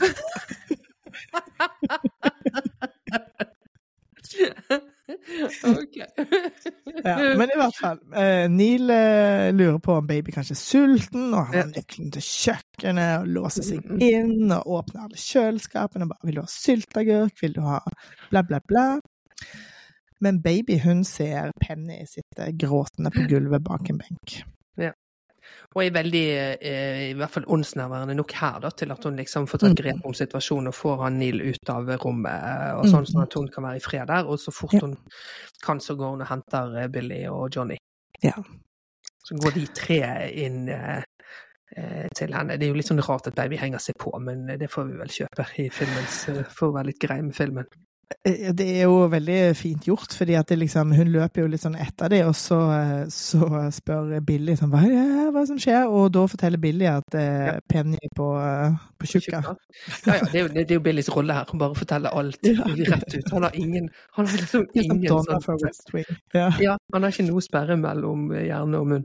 Nei, absolutt ikke. Men det eskalerer litt, fordi at når, når det da kommer, Og sier kom, bare, han, sier jo, han sier jo ikke bare at hun ble knocked up, hun knocked up by Robbie the Creep. Nei, han sier ikke det, nemlig. Oh. Det er det som er gøy, at han bare sier at uh, hun er tjukk, og så blir Johnny sur når baby tror at det er hans, og så tar de med seg eh, Penny opp til denne hytta, det. Ja, sånn er og det. det kommer fram at de har ikke nok penger til å løse det. Og når baby forsøker å trøste Penny, eh, og hun er sånn 'Å, det er håpløst', så, eh, så sier Penny at 'du vet ingenting om min situasjon'. Da sier Billy 'jeg har fortalt det'. Og da forteller Penny enda mer, fordi hun sier sånn 'å, great'. Nå skjønner, kommer alle til å vite at Penny ble liksom smelt på tjukka av uh, Robbie the Creep. Ja. Um, så det, det syns jeg er ganske så morsomt. At det er sånn ærlighet som eskalerer. Det er en veldig fin måte å, å få denne informasjonen delt mellom karakterene, sånn at vi kommer videre. Ikke sant. Eh, så det er situasjonen. Eh, de har da klart å finne ut av, uten, helt uten internett, så har de funnet ut at en omreisende abortlege som er innom byen eh, en dag neste uke, og han skal ha 250 dollar. Ja, Ja, tror du ikke det ryktes, liksom, i en tid der det var så mye eh, illegale aborter? hvordan. sånn ryktebørs. Ja, jo, det er bare Abortbørs. Ja, men hvordan? Helt sånn praktisk. Jeg lurer bare på hvordan det ryktes. Ja. Men det har i hvert fall ryktes. Um, så eh, og, og baby, som jo fremdeles er et barn eh, her, er så ja, men hvis du bare sier det til Robbie, så er det sikkert han kan. Nei, han vet. Han, ikke, han hjelper ikke med noe. Ja. Go, just go back to your playpen. Ja. Og ved frokost eh, dagen etterpå så tar baby for seg han eh, Robbie, og han vil slett ikke betale, og, og sier 'some people count, some people don't count'. Og det er der han da altså drar frem den famøse boken til Ayn Rand, 'The Fountainhead'. Som altså er en ganske tjukk bok som han går rundt med i uniformsbuksen sin mens han dekker til frokost. Eh, det, Han, igjen, Man skal alltid være-. Ja, han, han er en parat ultraliberalist. Det er viktig, viktig å alltid kunne liksom dra opp denne for å eh, dra et sitat. Ja, nei, men sant, også han, for han òg er jo også eh, tegnet eh, fullstendig eh, endimensjonalt som skurker ved hjelp av den boken. Det var jo praktisk. da. Ja. Ja, så hun sier make, you make me sick, stay away from me and my sister, or, have, or I'll have you fired. Ja. Og så heller hun en bøtte med eller en sånn mugge med vann over han. Men det som er interessant, hun følger jo aldri opp på det der stay away from my sister. Søsteren driver jo og forteller hun til, det til det kjedsommelige at nei, jeg tenkte jeg skal ligge med han, og nei, jeg skal ligge med han i dag, og han holder på og holder på. Ikke noe snakk om å get him fired, eller si til Lisa at han er the creep, liksom. Nei, det, altså, det er så mye baby kunne ha gjort her eh, um, for, å, for å hindre at eh, Nå skal det jo vise seg at, at det er baby som hindrer at Lisa ligger med han gjennom at hun ligger med Johnny, som da ikke kan ligge med Vivian, som gjør at Vivian går og ligger med Robbie. Så på en måte, på en sånn passiv måte, så, så intervenerer hun. Men eh, jeg skjønner ikke hvorfor baby ikke forteller det til Lisa. Ja, for hun som liksom som på, på så mye annet skal være, og hun er et sånt godt menneske. Et utrolig godt menneske. Det er jo hele hennes eh, selvoppfatning og det hun, eh, filmen også skal legge opp til at hun vil hjelpe alle. sant? Bortsett fra sin egen søster. Ja, men det, altså, her, her syns jeg du må liksom i hvert fall innse at filmen handler jo om at hun skal endre seg. Sånn at der er jo filmen på lag med det du sier nå.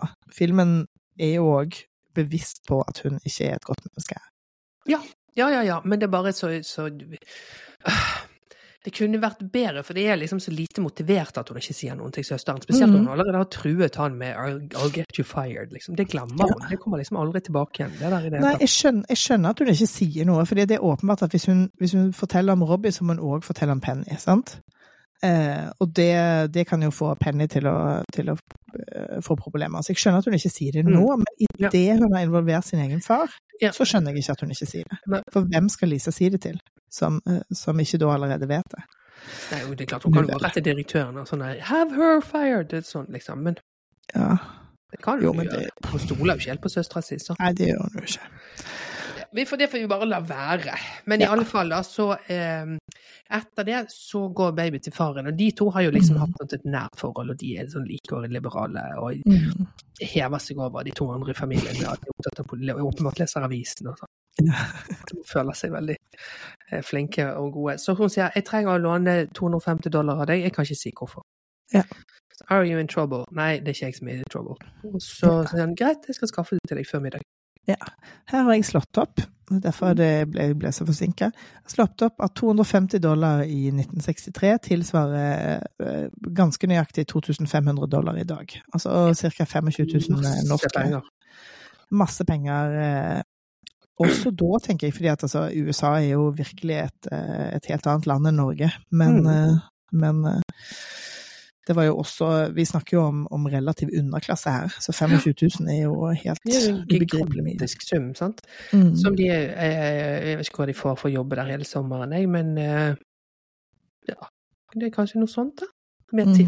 pluss tips, på en måte. Mm, et eller annet sånt. Og pluss liksom det de tjener på de her klassene, eller et eller annet. Mm. Aner ikke, Nei. det er i hvert fall mye penger. Men det er jo også det er en så fin sum, fordi at 25 000 kroner er jo eh, det er jo også mye penger å be faren sin om, Ja. sånn helt eh, straight off. Men det er jo ikke, det er liksom ikke 250 000. Så det er jo sånn, man kan skaffe 25 000 kroner. ja, ja. ja. Nei, nei, det er, det er bra, men det er nok til at det er liksom merkbart mye Ja, penger å be om. Og at han, han jo eh, OK, jeg stiller ikke noe spørsmål, jeg stoler på deg.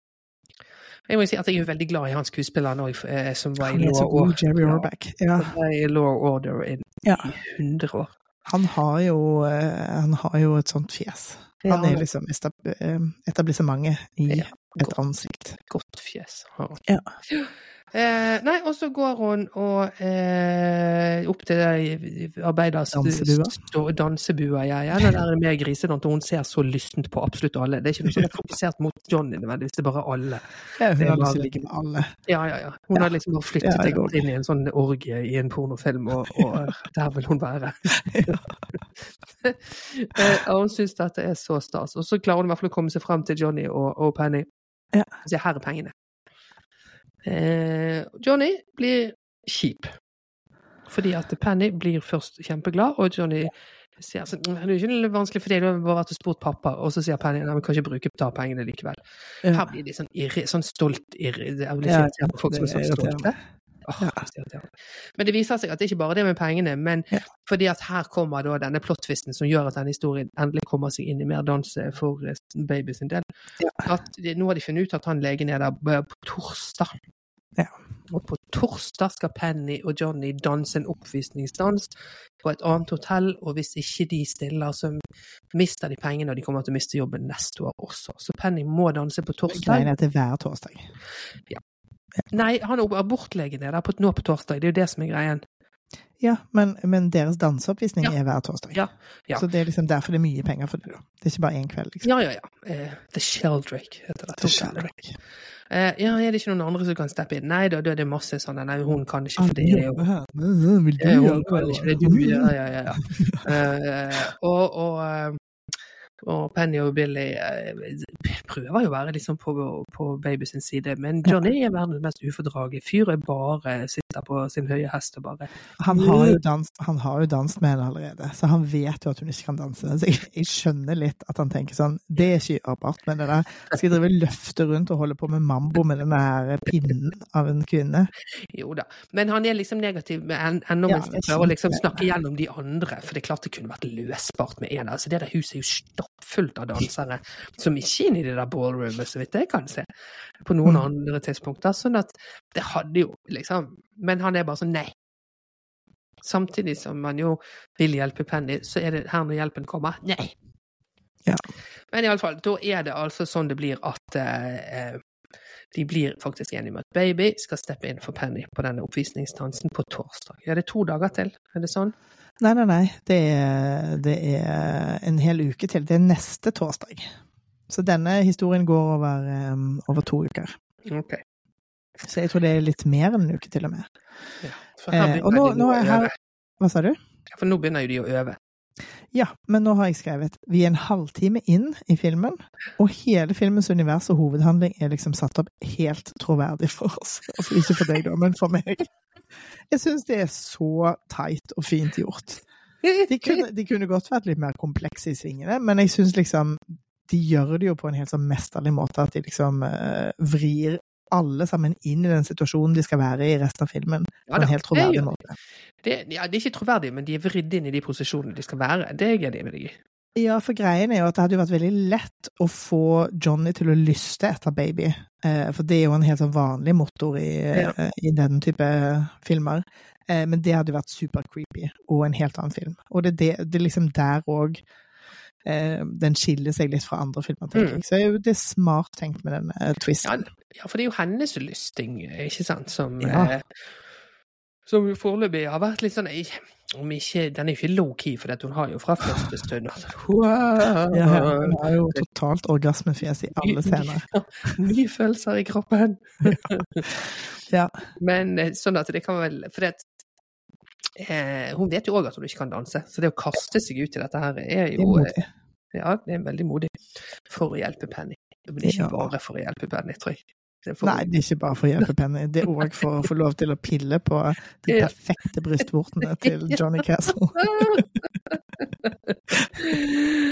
oh, de holder på, de holder på, og hun holder på å øve alene nede i den der trappen. Ja, altså de eh, du, turer frem her. De liksom Ja, de men det er jo så jævla kjedelig. Dette nå kommer det et er altså, Nå er det så mye altså Jeg tror det tar 25 minutter jeg, nå, mens de holder på i slow Altså i sånn Ingen sier noen ting, det er for så vidt fint. Og det samme dansetrinnet opp og ned i den jævla trappen og over den broen. Det er 20, jeg er sikker på det tar 20 minutter. Nei, jeg tok faktisk, jeg tok faktisk tiden. Det tar Mm. bare ti minutter. Eh, så Eller kanskje noe i midten der. Men eh, nå er babyen kløne, og Johnny er bare irritert på henne hele tiden. Det er ingen liksom, spenning mellom de i det hele tatt. Nei.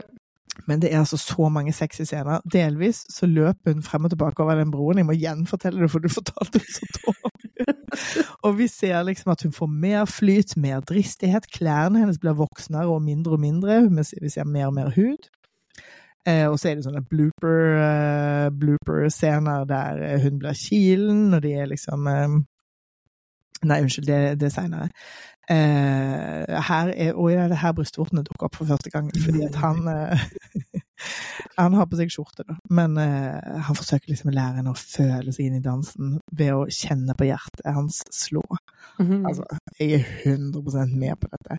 Og det som er så det som er så gøy, som òg liksom kastet meg tilbake til mine første tangoleksjoner, var at altså, disse folkene er jo dansere, så de er jo vant til å se ut som om de er liksom glad og kåte og har masse følelser mens de gjør jobben sin. For henne så er det jo liksom på ekte. Det tok meg et helt år å skjønne at når jeg hadde danset tango, så skulle jeg ikke ta med klærne etterpå. Det var liksom, fordi det, er du går inn liksom en slags rolle, men det, hvis man ikke er danser, så er det veldig vanskelig å huske. Så Ja. er helt på, helt på Ja, det, det skjønner jeg. Det er Ja. klart det, for det er jo, altså, dans er jo supersexy. Det er jo liksom det nærmeste man kommer av sex, eh, liksom. Ja. Åh, det er noen kule scener med at Penny hjelper de å øve, og liksom holder hoftene til baby, og hun og Johnny ser hverandre inn i øynene over liksom eh, Det er jo en pornofilm, dette. Altså, Ja, det er pornofilm. Det er fullstendig trekant. Og plutselig baby og Penny som danser i strømper og sølvsko. Og, og da ser du liksom òg at Penny lærer henne de her liksom sexy faktene som man skal Mm. ha mens Hungry Eyes spiller på, på uh, lydsporet. Er det, er det det du mener med 80-tallsmusikk? Ja, både den og I Had a Time of My Life, og uh, Ja. spesielt de to, da. Oh, den sangen jo- som Swayze har skrevet sjøl. Nettopp. Ja. She's like the wind. Ikke kødd med det her nå. Jeg advarer deg. Plutselig finnes ikke denne podden lenger. Jeg har skrevet 'Jeg vil ligge med alle her'. Jeg skrevet. Ja. Ja. Jeg vil bare ligge med Patrick Swayze her. Ok. Men eh, nå kommer blooper-scenen. Eh, og nå ser vi liksom Johnny i bar overkropp, baby har minimale danseklær. Hun skal liksom ha hånd Alle har jo sett den scenen, men hun skal liksom ha hånd bak hodet hans, Mm. og han skal liksom kile henne ned langs, eh, langs armen og brystet, og hun bare får fjolla hele tiden. Johnny syns hun er så teit. Eh, og så det liksom topper det seg i en scene der han kjefter på henne og syns at uh, hun tar ikke det på alvor, hun kjefter på han, og så er den tøffeste scenen i hele filmen, syns jeg. Og han bare sånn ah, Kom igjen, vi reiser ut i skogen. Da kommer det tøff musikk, og Johnny må slå inn ei rute i bilen. Blir ikke du irritert av det? Nei, det er jo At han knuser en rute i sin egen bil bare fordi han har glemt nøkkelen inni. Det finnes enklere måter. Det, Altså, det er ikke kompetent, men det er veldig sexy. Men at hun blir liksom så kåt av at han knuser altså At han er så dum at han må løse, liksom, løse det på denne måten. Altså Hun er så ekstatisk at han har knust den bilruten. Ja. You're wild! wild. You're wild! Altså Hun er så ekstatisk. Jeg bare tenker altså her går dere og sutter, dere har ikke penger, har ikke penger, har ikke penger. Hvor mye koster det å bytte denne bilruten? Jeg ble så jævla sur på denne bilruten. Ja, de kunne jo ikke sykle ut i skogen, så det var jo De måtte jo. det er da vel For faen, det er jo 100 andre dansere. Han kunne vel lånt en annen bil, da? Helt korrekt. Helt korrekt. Det kunne han gjort, men vi vil, vi vil se han eksplodere. Det er så fint. Ja, og nå åpner han opp litt mer. Nå er det liksom denne scenen eh, og Han flirer jo når hun eh, beundrer han, og så forteller han litt om hvordan han ble danser. Mm.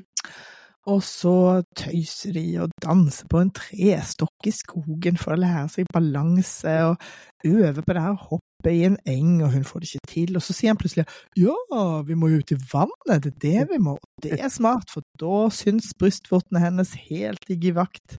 Ja. Er det veldig sexy, hun har på seg en liten hvit singlet og hopper opp og får det til og detter ned, og jeg syns denne scenen er veldig sexy uten å være lommer i det hele tatt. Ja, den er fin. Jeg har to ting å si om dette. Det På denne trestokken så, så skadet jo Swayze seg sånn at de måtte utsette innspillingen i to uker, for han falt ned. Eh, for han nektet å bruke noe body double, så han liksom Han knakk ikke en fot, men han liksom skadet et eller annet. Eh, det ene. var og det andre i denne scenen i vannet De Ja. spiller inn dette i oktober, så det er pissekaldt. Det er sånn tre Oi, grader i vannet. er på uh... Og det er derfor de ikke har noen nærbilder av den scenen, for de har helt blå lepper begge to. For de liksom, de er så kalde at det bare Så kameraet ligger ganske langt fra dem. Og det, er, de hadde, det skulle egentlig vært nærbilde òg, men det gikk bare ikke. Det er gøy. Oktober, ja. ja, ja. Hvis det blir Ja. så utsatt òg, så blir det enda kaldere. Skjønner. Så det er det jeg har å si om denne her sekvensen. sekvensen. Mm. Men nå er det jo snart eh, tid for oppvisning på um, The Sheldrake. Mm. Eh, og Penny skal hjelpe baby å kle på seg kjolen Ja. sin. Eller hun skal jo kanskje legge den inn, fordi at Penny er jo eh, betraktelig lengre og, og mer Ja. brystfaga, for hun driver liksom og holder på bak i ryggen Ja. der. Og så, så eh, føler hun et voldsomt behov for å si at det ligger ikke rundt oss. Jeg trodde han elsket meg. Altså om creepy eh, Robbie. Ja. Eh, ja, hun er kjemperedd. Ja. Og, og hun baby er ganske Hun prøver liksom å trøste oss. It's gonna be fine. It's gonna be fine. Men hun skjønner jo Ja. ingenting. Nei, hun var vet jo ikke hva som ja, hva står Nei, sant. Hun vet jo ikke, hun. Hun har jo levd et beskyttet og, og, trivelig liv, liksom. She's baby. She is a baby. Uh, og eh, på hotellet her nå så er det altså bingo som er kveldens entertainment, og baby får Lisa til å dekke over for seg og bare si at, eh, si at jeg er syk. Ja. At jeg ligger på rommet mitt. Ja. Og drar og går til den der dansen, og, og baby er supernervøs. Og det starter kjempedårlig. Hun har veldig stygg sminke på seg her. Du vet hva, hun ser ut som det Andy Warhol-bildet av dronning Sonja. Ja, det Hun ser nøyaktig sånn ut. Hun ser Ja. veldig lik ut som dronning Sonja. Det er noen eh, trekk med nesen og også dette oppsatte håret. Nei, hun er Mm. ikke noe fin her i det hele tatt. Nei, det er nok heller er ikke meningen. Det er ikke meningen at hun skal være Hun, altså hun skal se sånn ut, og hun er kjempenervøs. Men de får jo applaus i publikum, og Ja. det liksom oppvisningsdansen går vel eh, som forventet, liksom litt under snitt kanskje, men det går greit. Altså, det er jo øyeblikk her det, Ja, de ser ut som at de vet hva de holder på med, liksom. Men hun klarer jo da ikke dette løftet. Det er jo veldig vesentlig. Ja, ikke sant. Men det er ikke noe sexy med denne dansen i det hele tatt. Den er bare helt sånn kald, liksom. Dette er jo gjennomført. Ja. Ja, ja. Men det er liksom, det er ikke noe sånn connection mellom de to. og Det er absolutt det meningen her, at hun er bare kjempenervøs. Så er det et lite sånn sideshow som eh, skal komme opp igjen etterpå, med et eh, gammelt ektepar fra hotellet som er publikum, og hun er kjemperedd for å bli oppdaget. Ja. Og de har jo i scenen før så har vi jo sett at hun og Penny eh, liksom skumper inn i denne gamle damen på vei inn for å kle seg om, og Mm. da detter det masse klokker og lommebøker ut av vesken til den gamle damen. Det, det, det stilles det ikke noe spørsmål med, men eh, Nei. det skal De komme tilbake, komme tilbake til. Ja. Men de har ikke gått rundt med liksom fem klokker i vesken. Ja, det er rart. De er rike. Ja, men i alle fall så kommer det, drar de tilbake igjen, og baby driver og skifter i baksetet. Og, og Mhm. sånn, og så er det så langt så de Mhm. sitter i forsetet og er sånn helt tause ganske lenge. Og det, det syns jeg er veldig fint. Altså, det er så tjukk stemning her, og han Ja. liksom skotter litt på henne i Ja. speil. Det er første gangen han liksom ser på henne som et uh, seksuelt vesen. Ja. Det er jo fordi at hun ikke skjemte han ut under denne dansen. Antageligvis er hun kanskje den at han var så stressa for det, stakkar. Nei, men han mistet jo ikke jobben sin. Hun gjorde bra, for han skryter jo også av henne. Ja. You did good. Og så ja, men nei, nei, nei da, du gjorde det bra. Og det gjorde hun. Hun kunne ikke danse for en uke siden, så det får vi vel gi henne. Absolutt. Og når de kommer tilbake til Kellermans, så kommer han Billy løpende og sier at det er Penny, hun er kjempedårlig. Ja. Og legen var en dritt. Og da viser det seg at han ikke brukte noe bedøvelse, han hadde en Mm. dirty knife and a folding table. Fy faen. Og dette er jo eh, eh, sannheten, det. Og Ja. sånne ting var. Ja. Brukte vel ikke kniv så mye, men det bør vi ikke gå i detaljer om det. Men iallfall så har han maltraktert henne, eh, for han har jo ikke maltraktert henne. For, eh, så jeg skjønner ikke hva den kniven har med noe å gjøre. Men Nei det er ikke så viktig, bare det er bare det at det er ekkelt. Ja, det er jo blod i sengen der, og hun driver og blør og har kjempevondt. Det bør jo Eh, egentlig på sykehuset, men eh, baby løper og henter faren sin i hvert fall. Ja. Bra baby. Ja, det er veldig bra, Ja. syns jeg. Og han kom, og, og hun vekker han og sier 'what's wrong', og han er jo sånn lege, så dere står opp med en gang og har selvfølgelig legekoffert med seg Ja, på praktisk. ferie og sånn, så det er topp. Topp stemning. Og Ja. han går inn og er kjempefin. Han er så fyr, liker han, Han er så fin med Penny. Ja, kjempefin. Og så, og så skjer jo det famøse at han spør 'who's responsible for this girl?' og. Johnny sier 'I am'. Hvilket jo medfører at når, når eh, han, faren er ferdig der inne og kommer ut igjen, så nekter han å ta Johnny i hånden. Ja, Johnny Fordi han tror det er pappaen. Ja, At det er han som har vært far til det til barnet. Mhm. Eh, Ja. Og så går eh, baby og faren tilbake inn til sitt rom, og han er rasgal. Ja. You're not the girl I thought. Hvilket jo er litt sånn rart. Det er jo ikke hun som Jo, har hun løy, fordi at han spør Ja. henne jo når hun ber om pengene, så sier han eh, 'skal du gjøre noe ulovlig med det'? Ja. ja det Eh, er nei, nei, nei, jeg skal ikke gjøre noe ulovlig. Så han har jo blitt løyet til, så jeg skjønner at han er sur. Ja. Pluss at herregud, han trodde han hadde liksom Han tror og tenker jo sikkert at han har en tolvårig datter, og så plutselig så, har, så kommer datteren med masse sminke som dronning Sonja. ja. Og det å kjenne aborterende folk, det er jo Skjønner at det er mye for pappa her. ja det er veldig mye for han. Det er midt på natten og alt mulig. Ja. Så han kaster ut at du får ikke ha noe mer med de å gjøre. Nei. Er liksom hans avskjedsreplikk i dette. Eh, men det tar hun ikke noe hensyn til. For det neste vi ser dagen etterpå, er at baby går rett til Johnny og sier at Jeg jeg tror det er samme kveld. Det, er det natt, da? Ja, Ja, ja. er det det? Sånn følelse av at det er er dagslyst. fordi at de eh, Ja. Ja, eh, nettopp. Litt vanskelig å vite, fordi at Johnny sin hytte har beleilig nok ingen vinduer. Har bare sånne, store, sånne liksom, blikkplater foran eh, Ja, det er jo veldig praktisk. Du trenger Ja. bare tenke på noe kontinuitet på noe. Nei, nå er jeg lei seg for at måten faren eh, behandlet han på, og det har med meg å gjøre, det har ikke med deg å gjøre. Ja. Og Johnny er bare kjempetakknemlig fordi at han reddet Penny. Så han Ja. har ikke egentlig noen vonde følelser mot faren i det hele tatt. Nei, ikke her. Nei. Nei.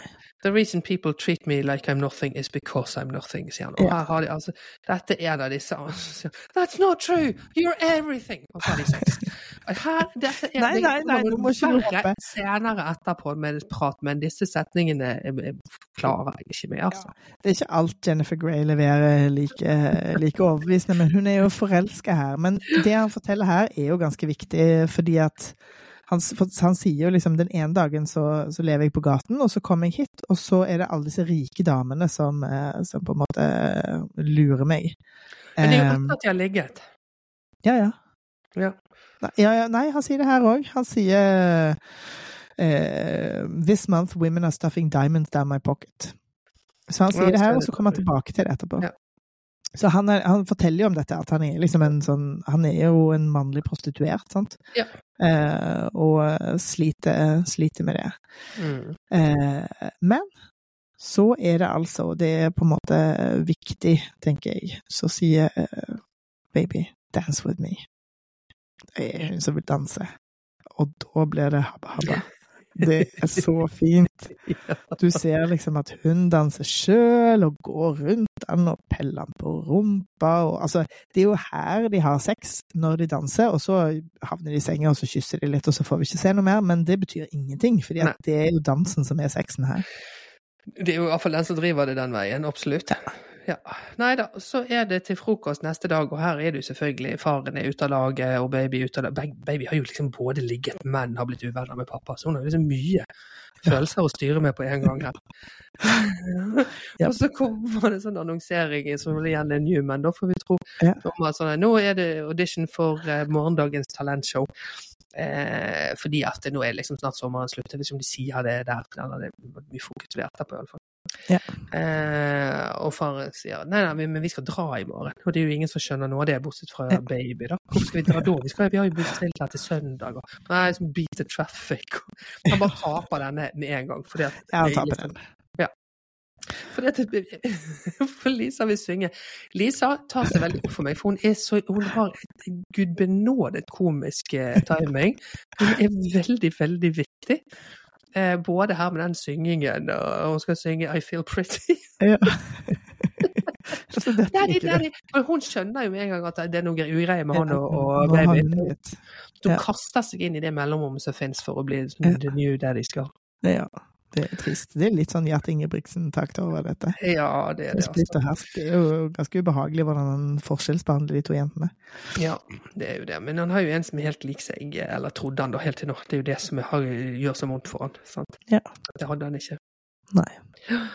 Eh, og eh, baby Ja. løper av gårde til for å besøke Penny, som ser Ja. mye bedre ut. Og, Altså, hun ligger på sengen i en flanell morgenkopp, men så har hun sånn danseføtter. Hun har sånne, De er liksom sånn strukket ut. Ja. Det ser veldig elegant ut. Hvis du så dansete, så har du sikkert sånn elegante Ja, føtter. jeg skal ligge sånn alltid fra av. Jeg gjør det ganske ofte, for jeg har så mye krampe i leggen. Driver du med sånn dansefot Da må jeg i den gamle Derrick-morgenkåpa di? Ja, i hva som helst. bare først. Men jeg må ha danse med strekke leggen opp og ned, liksom. Så det er mye dansefot på meg. Men hun er i hvert fall sånn Å ja, du mistet akkurat din far, han har akkurat vært her, han er helt vidunderlig, liksom. Så han er jo kjempegrei med henne. Ja, det. Eh, og Dr. Hernsman eh, har sagt òg at eh, I'm gonna be fine. For Johnny kommer òg igjen. Johnny. Han sier I'm gonna be fine, I can still have children. Hvordan han kan fastslå det akkurat på dette Nei, tidspunktet det er vanskelig. Altså, han har jo ingen ultralyd eller noen ting med Nei, seg. Men, eh, det er 1963, men eh, han tar vel en, han tar vel en god gjett for å gjøre henne glad, da. Ja, ikke sant. Det er i hvert fall Hun ble glad, så. Eh, og så spør hun hvordan gikk det i går, og det, det er så innmari flau stemning mellom eh, Johnny og baby her, så, så, de klarer liksom ikke helt å snakke, for hun spør jo om dansen, men de vet jo at de har ligget, så det er det de tenker. Ja. Og det skjønner jo Penny ganske fort, at det hadde foregått noe. Ja. Eh, og, kjeften på Johnny når baby har gått. Ja. Never get mixed up with them. Ja. Eh, og det er, jo, det er, jo, det hun har gjort, og se hvordan det gikk. Ja. Og de skal jo ha den jobben til neste år, så de kan ikke holde på sånn. Nei, det er akkurat det. Så you gotta stop it. Nei, hun er superstreng på det, men dette kan ikke fortsette. Eh, og baby står og venter utenfor, Johnny kommer ut og er sånn Nei, men jeg må gå. Han forsøker å avvise henne i tre sekunder. I tre sekunder, og så snur han seg, og så smiler de til hverandre, og så er de rett i bingen igjen. Rett i bingen. Og nå kommer det her uh, Fins det en penis der? Uh, for først så, først så snakker han om dette, at han er basically en prostituert. Ja. Eh, fordi hun spør om han har ligget med eh, mange. mange ja. eh, og så blir han liksom åh, brydd over det, og så går han opp av sengen, og da snur han liksom skinka til eh, kameraet. og eh, og eh, det Vi trodde det var penis, det er ingen skygge av penis.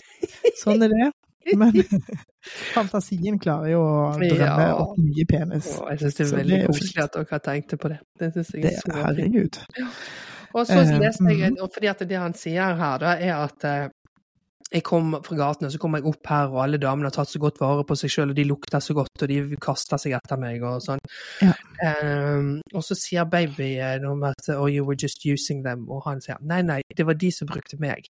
Ja. Her leste jeg en veldig viktig, artikkel før i dag om dette her.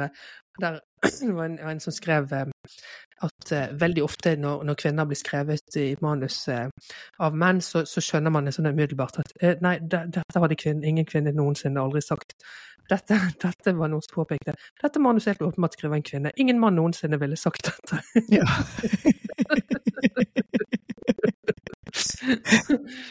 Så, men han uh, føler seg i hvert fall veldig brukt og misbrukt. Um, det er jo klart, altså. Det er jo, han er jo kjøpt og betalt der, så det er jo ikke så jævla trivelig.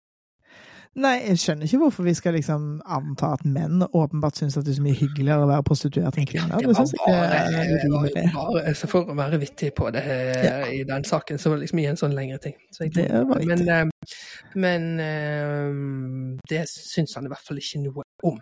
Nei. Nei. Nei. Og det eh, Ja. Det er jo fint. Men her spør han jo faktisk eh, eh noe veldig hyggelig, for han spør mm. 'What's your real name, baby?' Nettopp.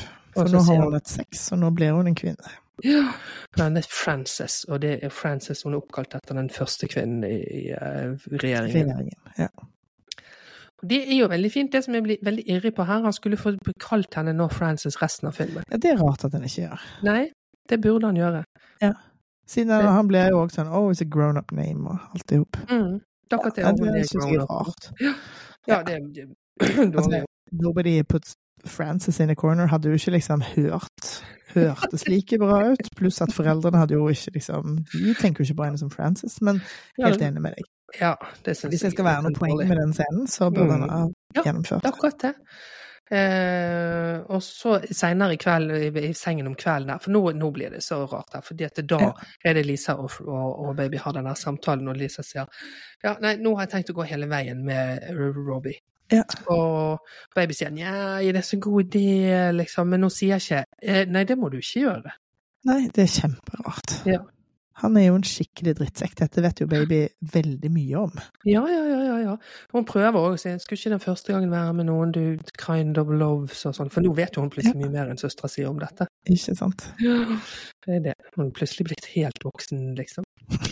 Uh, og, og, Lisa uh, um, de sier sannheten, men, men liksom, det er ikke bare det. Hun, hun, vet jo ikke om dette med at Rob er sånn til trossel. Og, og, du er bare sjalu fordi at you're not daddy's girl anymore, som også er sant. Ja. Det er også sant. Men hun er veldig morsom, Lisa, når hun sier at jeg kunne knulla hele militæret så lenge de er på den rette siden av The Ho Chi Minh, Ho Chi Minh Trail. Det er jo ganske morsomt. Hun er veldig vittig. Hun har god timing. Hun får jo også en masse gode komiske replikker og sanger. og altså Hun får mye sånn kløn å gjøre, da, Lisa. Hun er jo liksom Det er veldig gøy at du liker den karakteren så godt. Det, det er er jo sånn i denne filmen. Med hele denne filmen. Men uh, ja, nei, men fint. Det er jo det er noe for alle her. Og dagen etter her så er det eh, all slags spill ute på denne, eh, i Ja. denne hagen det de holder på. Mm. Men inne driver Johnny og baby og trener, og hun driver og tøffer seg, for dette nå har jo hun, føler hun at hun har litt sånn makt over han, og sånn, så hun driver og gjentar sånn kjefting som han har gjort på henne før. Ja, ja. Nå er de jo to likeverdige parter, liksom. Ja, Ja, ja, Som partner partnere, i hvert fall. Om ikke på dansegulvet. Og så er det denne mimesangen med Sylvia og Mickey, som jo er Altså, det er smertefullt å se på, men eh, Mm, Det er vondt, altså. Ja, det er vondt. Men de skuespillerne lener seg inn i det og gjør det beste ut av det. Men det, det er ikke stilig. Det er det ikke. Nei, det er ikke Nei. det. Mhm. uh, og mens de holder på med dette, så kommer han creepy sønnesønnen din. Hva var det du sa han Ja. het? Neil? Neil. Ja. Han er jo dum som et brød, for han skjønner ikke 'Å, har du en dansetime?' Istedenfor å skjønne 'Oi, gud, de gikk inn på noen som har sex'. Det var Det var ubehagelig. Awkward. og, og han driver og så får Ja, vi skal jo ha den siste dansen under showet, og Johnny jeg har tenkt at kanskje vi skal endre litt på ting i år. Og Johnny går helt i gang på Ja, han har tenkt på masse andre ting, og Nei, nei, det eneste Neil vil, han vil ha det er pachanga istedenfor mambo. Ja, gudene vet hva slags sang det er.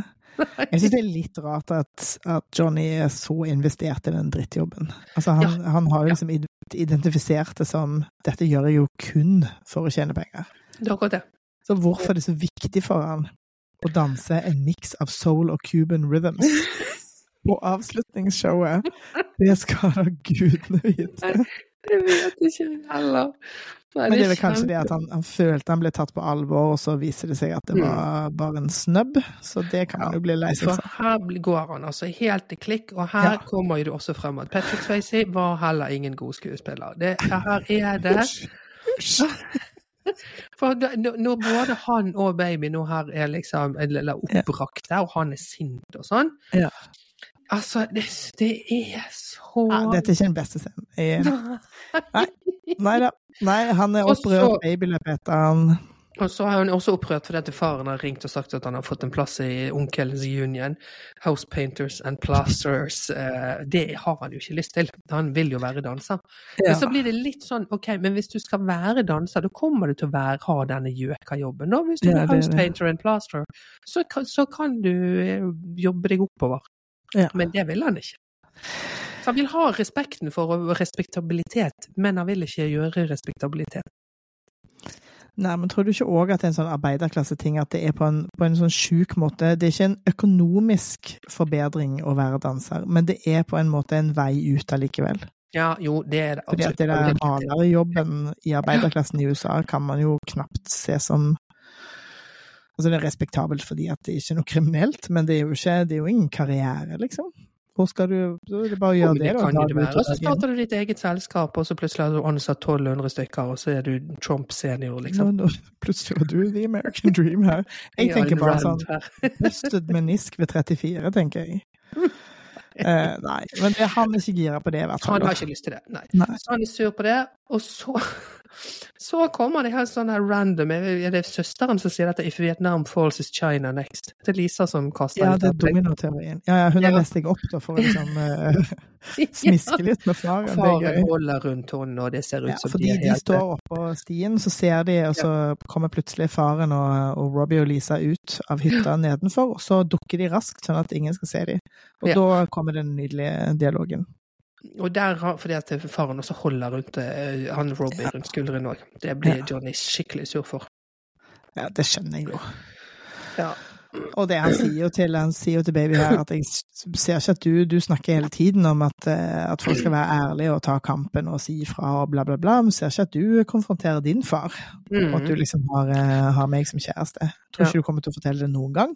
Og så går Ja, det, er, Og hun er ja, kjempelei seg. Det er rimelig nok, det, at han går der. Ja, det er skjønner at han er sur. Ja. Og nå er det Labor Day weekend, som Ja. er jo da den siste helgen i sommerferien. Ja. Så da skal Dette- dette showet gå av stabelen. Dette er jo så gøy, fordi det er jo en sånn, det en sånn saying at man skal eh, liksom Du får ikke lov til å ha på deg hvite klær etter Mm. Labor Day weekend. Og. Eh, før så tenkte jeg bare sånn Her kan du ikke ha hvite klær etter 1. mai? Men Labor Day er da en annen dag i USA enn Ja. det det er her. Det er I. Europa hvor vi sulter barn, som moren til baby sier. ja. Det er jo Ja. krigen, da. sant? De har vel sendt sånn hjelpepakker etter krigen og sånn. Helt sikkert. Eh, og eh, baby går og leter etter Johnny og går til Penny, mm. og så eh, 'Har du sett Johnny?' Han er der, og han er sutrepavete. Og hun sier unnskyld. Men hun sier jo unnskyld fordi at han hadde helt rett i at hun kom ikke til å fortelle det til faren sin. Ikke sant. Og så kommer altså han her godeste Robbie og sier Ja. 'Å, gud, jeg må', og ser de og sier 'Gud, jeg må jo ha valgt feil, søster'. Ja, Ja. nå- for jeg òg har slummet nedover. Eh, åpenbart henviser til Penny, som jo akkurat har smittet livet i, som en følge av hans slumming down. Ja. Så det klikker for Johnny, som kaster seg over han og, og Banker han opp litt for ivrig. Ja, det er veldig Roadhouse. Men altså, jeg tenker OK, Johnny er jo sur for mer enn bare den kommentaren. Han er jo sur for at han har Mm. gjort alt dette med Penny. Men jeg er litt sånn mm, Hei, 17-åring. Hvis kjæresten din, som er litt eldre enn deg, banker opp andre folk på den måten, mm, nei. Nei, det er helt riktig. Men du liker jo litt eh, tøffere gutter enn meg, så kanskje du syns dette var greit. Ja, altså, han Robbie fortjener jo alt som eh, tilkommer Ja, han fortjener liksom. Ja, Ja. Det gjør han. Men det er jo ikke noe, Johnny har ikke noe å vinne på dette. Tvert imot. Fordi Nei. at eh, Robbie har mer makt enn han i, i dette landskapet. Ja, det Selv om han også var bare er en servitør, liksom. Ja. Eh, nei, og så er det tilbake til prøvene på showet plutselig, da. Og der driver Mhm. det igjen. Jeg ler så godt av Lisa som synger en så dum sang mens hun øver, og, og baby driver og maler kulisser, fordi hun blitt gjøre. Ja. Og Johnny sitter plutselig og planlegger showet, som en Ja. sånn annen Og med sånn music sheets og greier. Ja, Mm. det hadde ikke jeg stolt på at Johnny skulle gjøre. I tillegg, når musikken kommer etterpå, så er det en platespiller, så du trenger ikke noe music sheets for det. Musikkskitt. Men her kommer Vivian eh, og kommer Ja. bort til Johnny og babysitter og ser på, og, og hun er, For nå er mannen hennes kommet tilbake, men hun har orget det sånn at det, Lover we our last night, og hun har fikset det sånn at de kan møtes likevel. Mm. For da viser det seg at eh, han mannen hennes skal være på et eh, kortspill som skal vare hele natten. Altså, han er jo helt med på dette. Han gir Ja, liksom ja, ja. Johnny penger for å holde henne altså, For å gi henne dansetimer. Dansetimer Ja, vi har jo sett hva dansetimer fører til, så eh, jeg tror han er helt på det rene med at hun eh, Jeg- ligger med han. Jeg tror nok òg det. Um, og Johnny eh, sier nei, det kan jeg dessverre ikke. Jeg er fulgt opp booket og gir han pengene tilbake. Ja. Vivian blir sur. Ja. Ja. Så eh, eh, hun mister jo helt munn og mæle, og dette Mm. var jo ikke det hun hadde planlagt i det hele tatt. Niks. Og nå går det litt sånn i forte svinger her. Ja, veldig. For Fordi Lisa sier at å, er- i kveld skal jeg ligge med Robbie, sier hun. Baby sier ingenting for 45. gang. Eh, og så ser vi plutselig at eh, Lisa går til Robbies hytte, eh, der han er fullt opptatt med å ha sex med Vivian, som bare gikk videre til den neste på, på listen. Og det som jeg la merke til der, var at det hang et sånn håndkle på døren, som er jo sånn college talk for ikke åpne. Ja, det er sånn sokk på døren, men det vet, ikke, det vet ikke Lisa noe om, for å si det sånn. Vet ikke om det. Så hun, bare, hun går bare rett inn. hun. Og, der, og sier bare og så, og så løper hun av gårde. Ja. Eh, så, men i meanwhile så driver Johnny og Baby og, og uh, har sex. Ja, rett oppi, rett oppi bakken, faktisk. Ja. Sånn at det- når Vivian eh, går ut, så ser hun de sammen. Ja. Og blir bitter og Ja. vondbråten. Ja. Eh, Og det hun gjør da, er å gå til eh, Dette ser vi jo ikke da, men vi får vite det i neste scene, at hun Mm. har sladra til Eller Max, hotelldirektøren, eh, har eh, avslørt at det har vært en tyv, og Vivian har tipsa om at Johnny mm. eh, kan være tyven. Og Ja. eh, når Max snakker med han, så sier han at han ikke har noe alibi for natta, for han forsøker jo å beskytte baby. Ja, og han har vært hjemme alene og sånn. Og da blir det litt sånn, ja, han skal gå og sparke han og sånn. Og baby prøver mange ganger å si nei, det er ikke han, jeg vet at det ikke er han, vet at det ikke er han.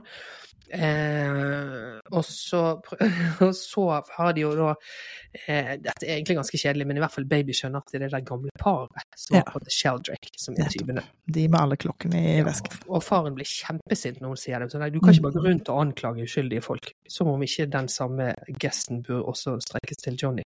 Nettopp.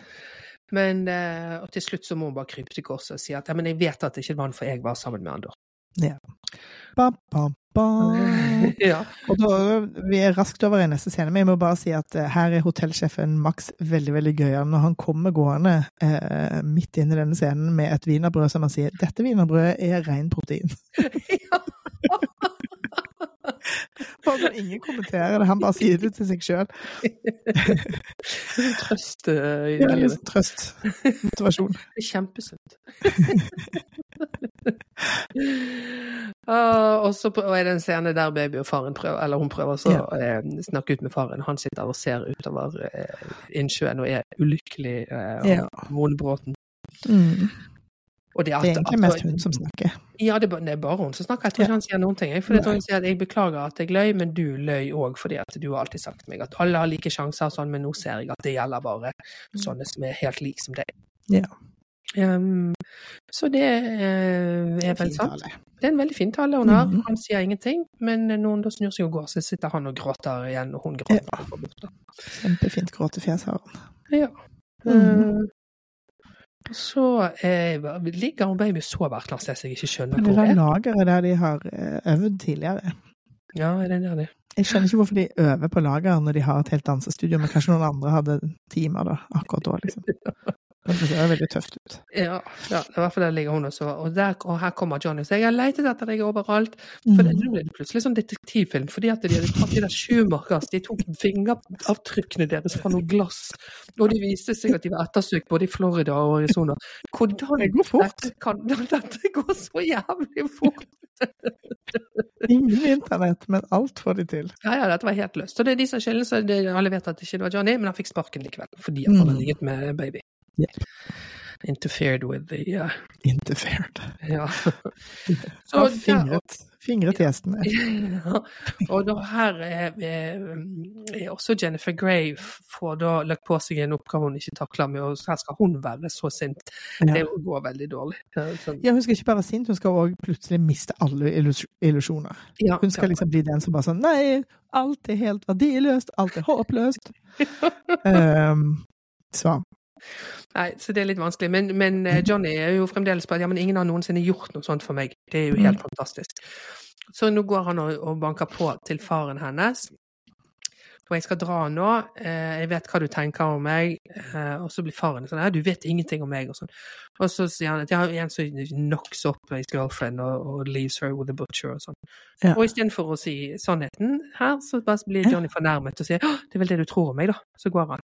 Ja, det er, altså, det er altså inkompetanse på kommunikasjonsnivå på Ja. alle fronter. Og baby kunne òg, når hun holdt den lille talen, så kunne hun òg liksom bare ha sneket inn Ja.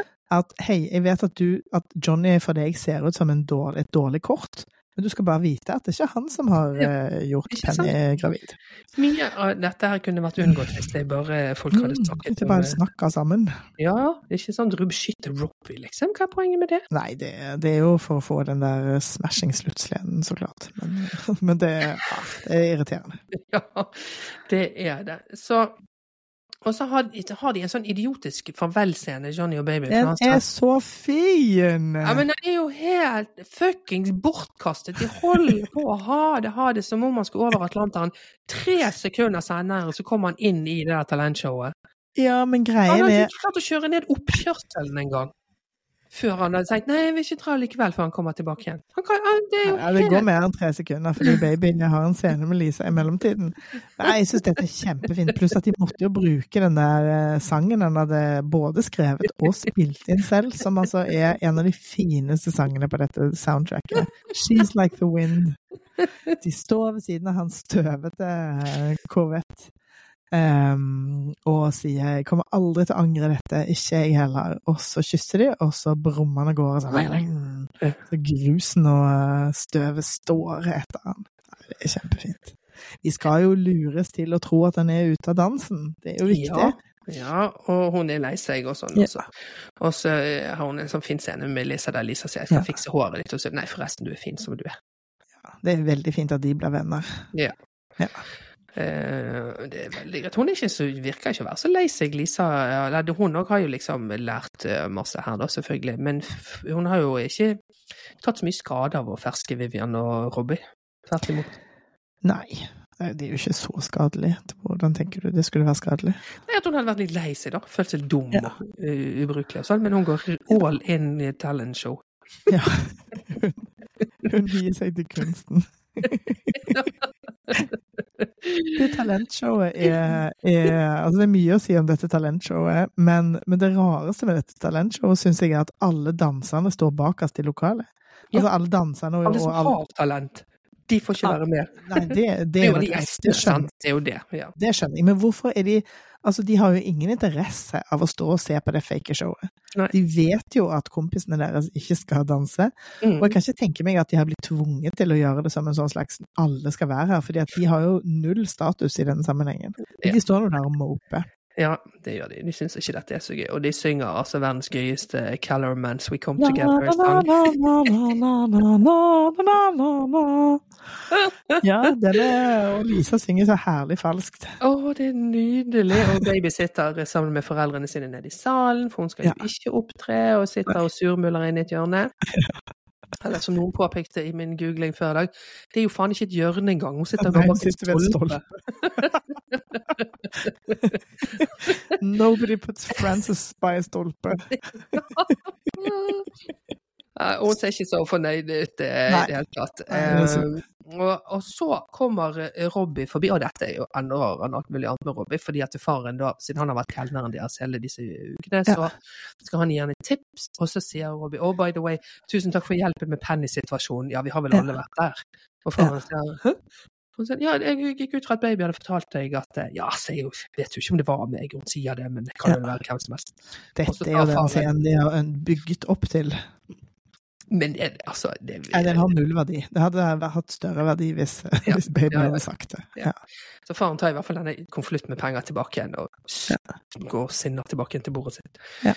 Så eh, han har jo feilbedømt en hel masse ting. eh. Ja, han har lært masse denne kvelden. Mm. Eh, og så er det en sånn eh, åh, Han Tito, eh, som er orkesterlederen, og Mm. Max, som eier hotellet, står i bakgrunnen og oh, It's all ending. Do you think kids will come with their parents and take foxtrot lessons? Nei, det, vet man jo aldri på tidspunktet. Så det, er si, det er jo åpenbart fra nå, så vet man jo at de ikke vil gjøre det. Men det Altså, de er liksom så utenfor- Ja, men her syns jeg du er streng igjen. Fordi at eh, når de kommer dit, så reiser de forbi eh, skiltet 'Welcome to the Kellermans', og disse to mennene er jo gamle menn. De er jo i hvert fall i 60-åra. Mm. Sånn at jeg syns, rent bortsett fra alt det der eh, historiske, så, så tenker jeg jo òg at dette er jo en mann som har levd et liv med dette hotellet. Nå planlegger han å liksom overlate det til sønnesønnen sin. Mm. Og det er jo en helt naturlig tanke å tenke sånn herregud, kan vi klare dette i- liksom i 50 år til? Kan det gå? Mm. Eh, Ja, men det, er liksom sånn påpekning altså, av, av at Beatles kommer uten at han vet at Beatles kommer. Det er egentlig det. Ja, ja, men jeg tenker at historien eh, Det er andre ting som bygger opp under denne scenen, annet enn eh, Men eh, vi, vi trenger ikke vi, vi har skjønt greia, Ja. så vi trenger ikke denne Nei, vi, det er akkurat det vi ikke gjør. Nei. Og her plutselig, da, så nå har det gått tre sekunder, for nå kommer Johnny tilbake igjen og stormer inn i lokalet. Ja. Ja. og, og, fordi at alle danserne står jo bak oss, og de ser det først, og de blir kjempeglade. De, Wow! Så, ah, Johnny, Johnny. Og så går han inn, uh, bort og ser rundt i lokalet og ser baby, og sier da denne 'Nobody puts baby in the corner'-linjen, som er jo Ja. muligens den verste filmserien, altså replikken i Det kan man synes, og det er Ja. helt legitimt, men man må jo bare kunne si at det er en klassiker. Ja da, det er det, men den er meningsløs. Fordi at det er en stolpe. Ja, både fordi det er en stolpe, men det er jo heller ingen som har puttet henne i noe hjørne. Og det er jo, eh, og i tillegg så er det bruken av baby som er irriterende når han allerede har liksom altså Det er så mye med det som Ja. det gir ikke mening for meg. Um, Ja, nå må jeg jo forsvare det, da. Fordi han sier jo Mhm. baby eh, primært fordi at han snakker jo til foreldrene hennes. Når han sier 'puts her in a corner', så mener han jo at hun fortjener å stå på scenen. Det er derfor han tar henne med. ja, Så men det, altså, det Han mener jo bare ikke putt henne eh, Ikke gjem henne bort. Nå blir du veldig sånn stolpe, bokstavelig, syns jeg. Så eh, det er jo ingen Det er ikke uten grunn at denne setningen har blitt en klassiker. Det må vi ja, erkjenne. det er jo bare det at det er ikke de som har puttet henne der. Hun er jo ikke på scenen fordi hun ikke altså Hun kunne vel blitt sagd i åtte oppe på scenen der, hun, hvis det var det hun må gjøre. Ja. Eh, men hun kan bare danse med han, han har jo dratt. Det er jo hans jævla feil at hun sitter i det hjørnet. Eller det at han fikk sparken, da. Men Men, nå fikser han det, da. Ja da, nå fikser han det. Tar hun med seg opp på scenen og Ja. eh, sier at 'jeg har alltid gjort den siste dansen her på somrene'. Nå var det Ja. noen som jeg ikke ville at jeg skulle gjøre det, men det skal jeg likevel med den mest fantastiske partneren som finnes. Ikke bare er hun en fantastisk danser, men hun har lært meg hvordan være et menneske. Ja! Sånn menneske som jeg vil være. Ja! Og det er Miss, Miss Frances Houseman. Endelig. Frances Houseman. Ja. Der tar han i hvert fall opp igjen. Ja, Og der driver faren og skal prøve å reise seg opp mot å stoppe situasjonen, mens mor sier 'sett deg ned igjen'. ja, ja. Og det gjør han. Og Altså, så tar Billy på en plate, da, selv om han har sittet og sett på noter hele dagen. på en plate. Men det er jo klart at de ikke har øvd inn denne, for de skulle jo ikke ha den dansen. Nei, og da er det Pluss at det er jo, dette er jo hans egen dans. Ja. Som jo egentlig bare er en slags sexy mambo, for det er jo mye her fra Sheldrake-opptreden som vi kjenner igjen. Mm. Men også litt freestyling. Ja, ikke sant. Eh, og så er jo de på scenen, og så plutselig så hopper han ned i salen der, og da kjenner jeg da, Altså, da blir det pute. Det, altså, der er, der er så flau. Ja, Den er litt flau. Men der, den er jo kan ikke jeg forstå at han er en profesjonell danser. Altså, der gjør han så mye moves som ingen mennesker burde gjøre. Ah, Det er forferdelig. Men altså, den scenen har jo òg blitt liksom gjenskapt, altså bildene med andre typer musikk, og altså Den har jo blitt tullet med så mye, den scenen, at den er nesten umulig å se eh, med et straight face. Eh, men det er heller ikke min eh, favoritt, nei. Han ser liksom sånn gira ut og, og hyper ut på en, på en ganske sånn rar måte. Og så snur Han liksom går mot publikum og mot kamera, og så snur jo han seg og tar med seg på en måte den her gjengen, eller det virker jo nesten som en sånn mobb som vandrer Ja. frem som eh, Ser ut som eh, Michael Jacksons eh, thriller. Eh, Ja, det gjør det. video, når de liksom vandrer mot scenen. Eh, og så er det to dansere som løfter, løfter babyen ned, og så løper hun mot han, og han løfter henne opp, og hun klarer løftet. Mm. Ja, det er fint. Det er den eneste gangen de gjorde det. De hadde aldri øvd på det. altså unntatt oppi vannet, da. Ja. Men det var eneste, eneste. Så hun måtte jo liksom eh, One shot Uh, Ja, hun måtte ligge først, før hun klarte å bli løftet. Sånn var det. Jo, men i virkeligheten òg. De, de har aldri gjort det. Å, du sier at det var den eneste gangen de klarte det? Å ja!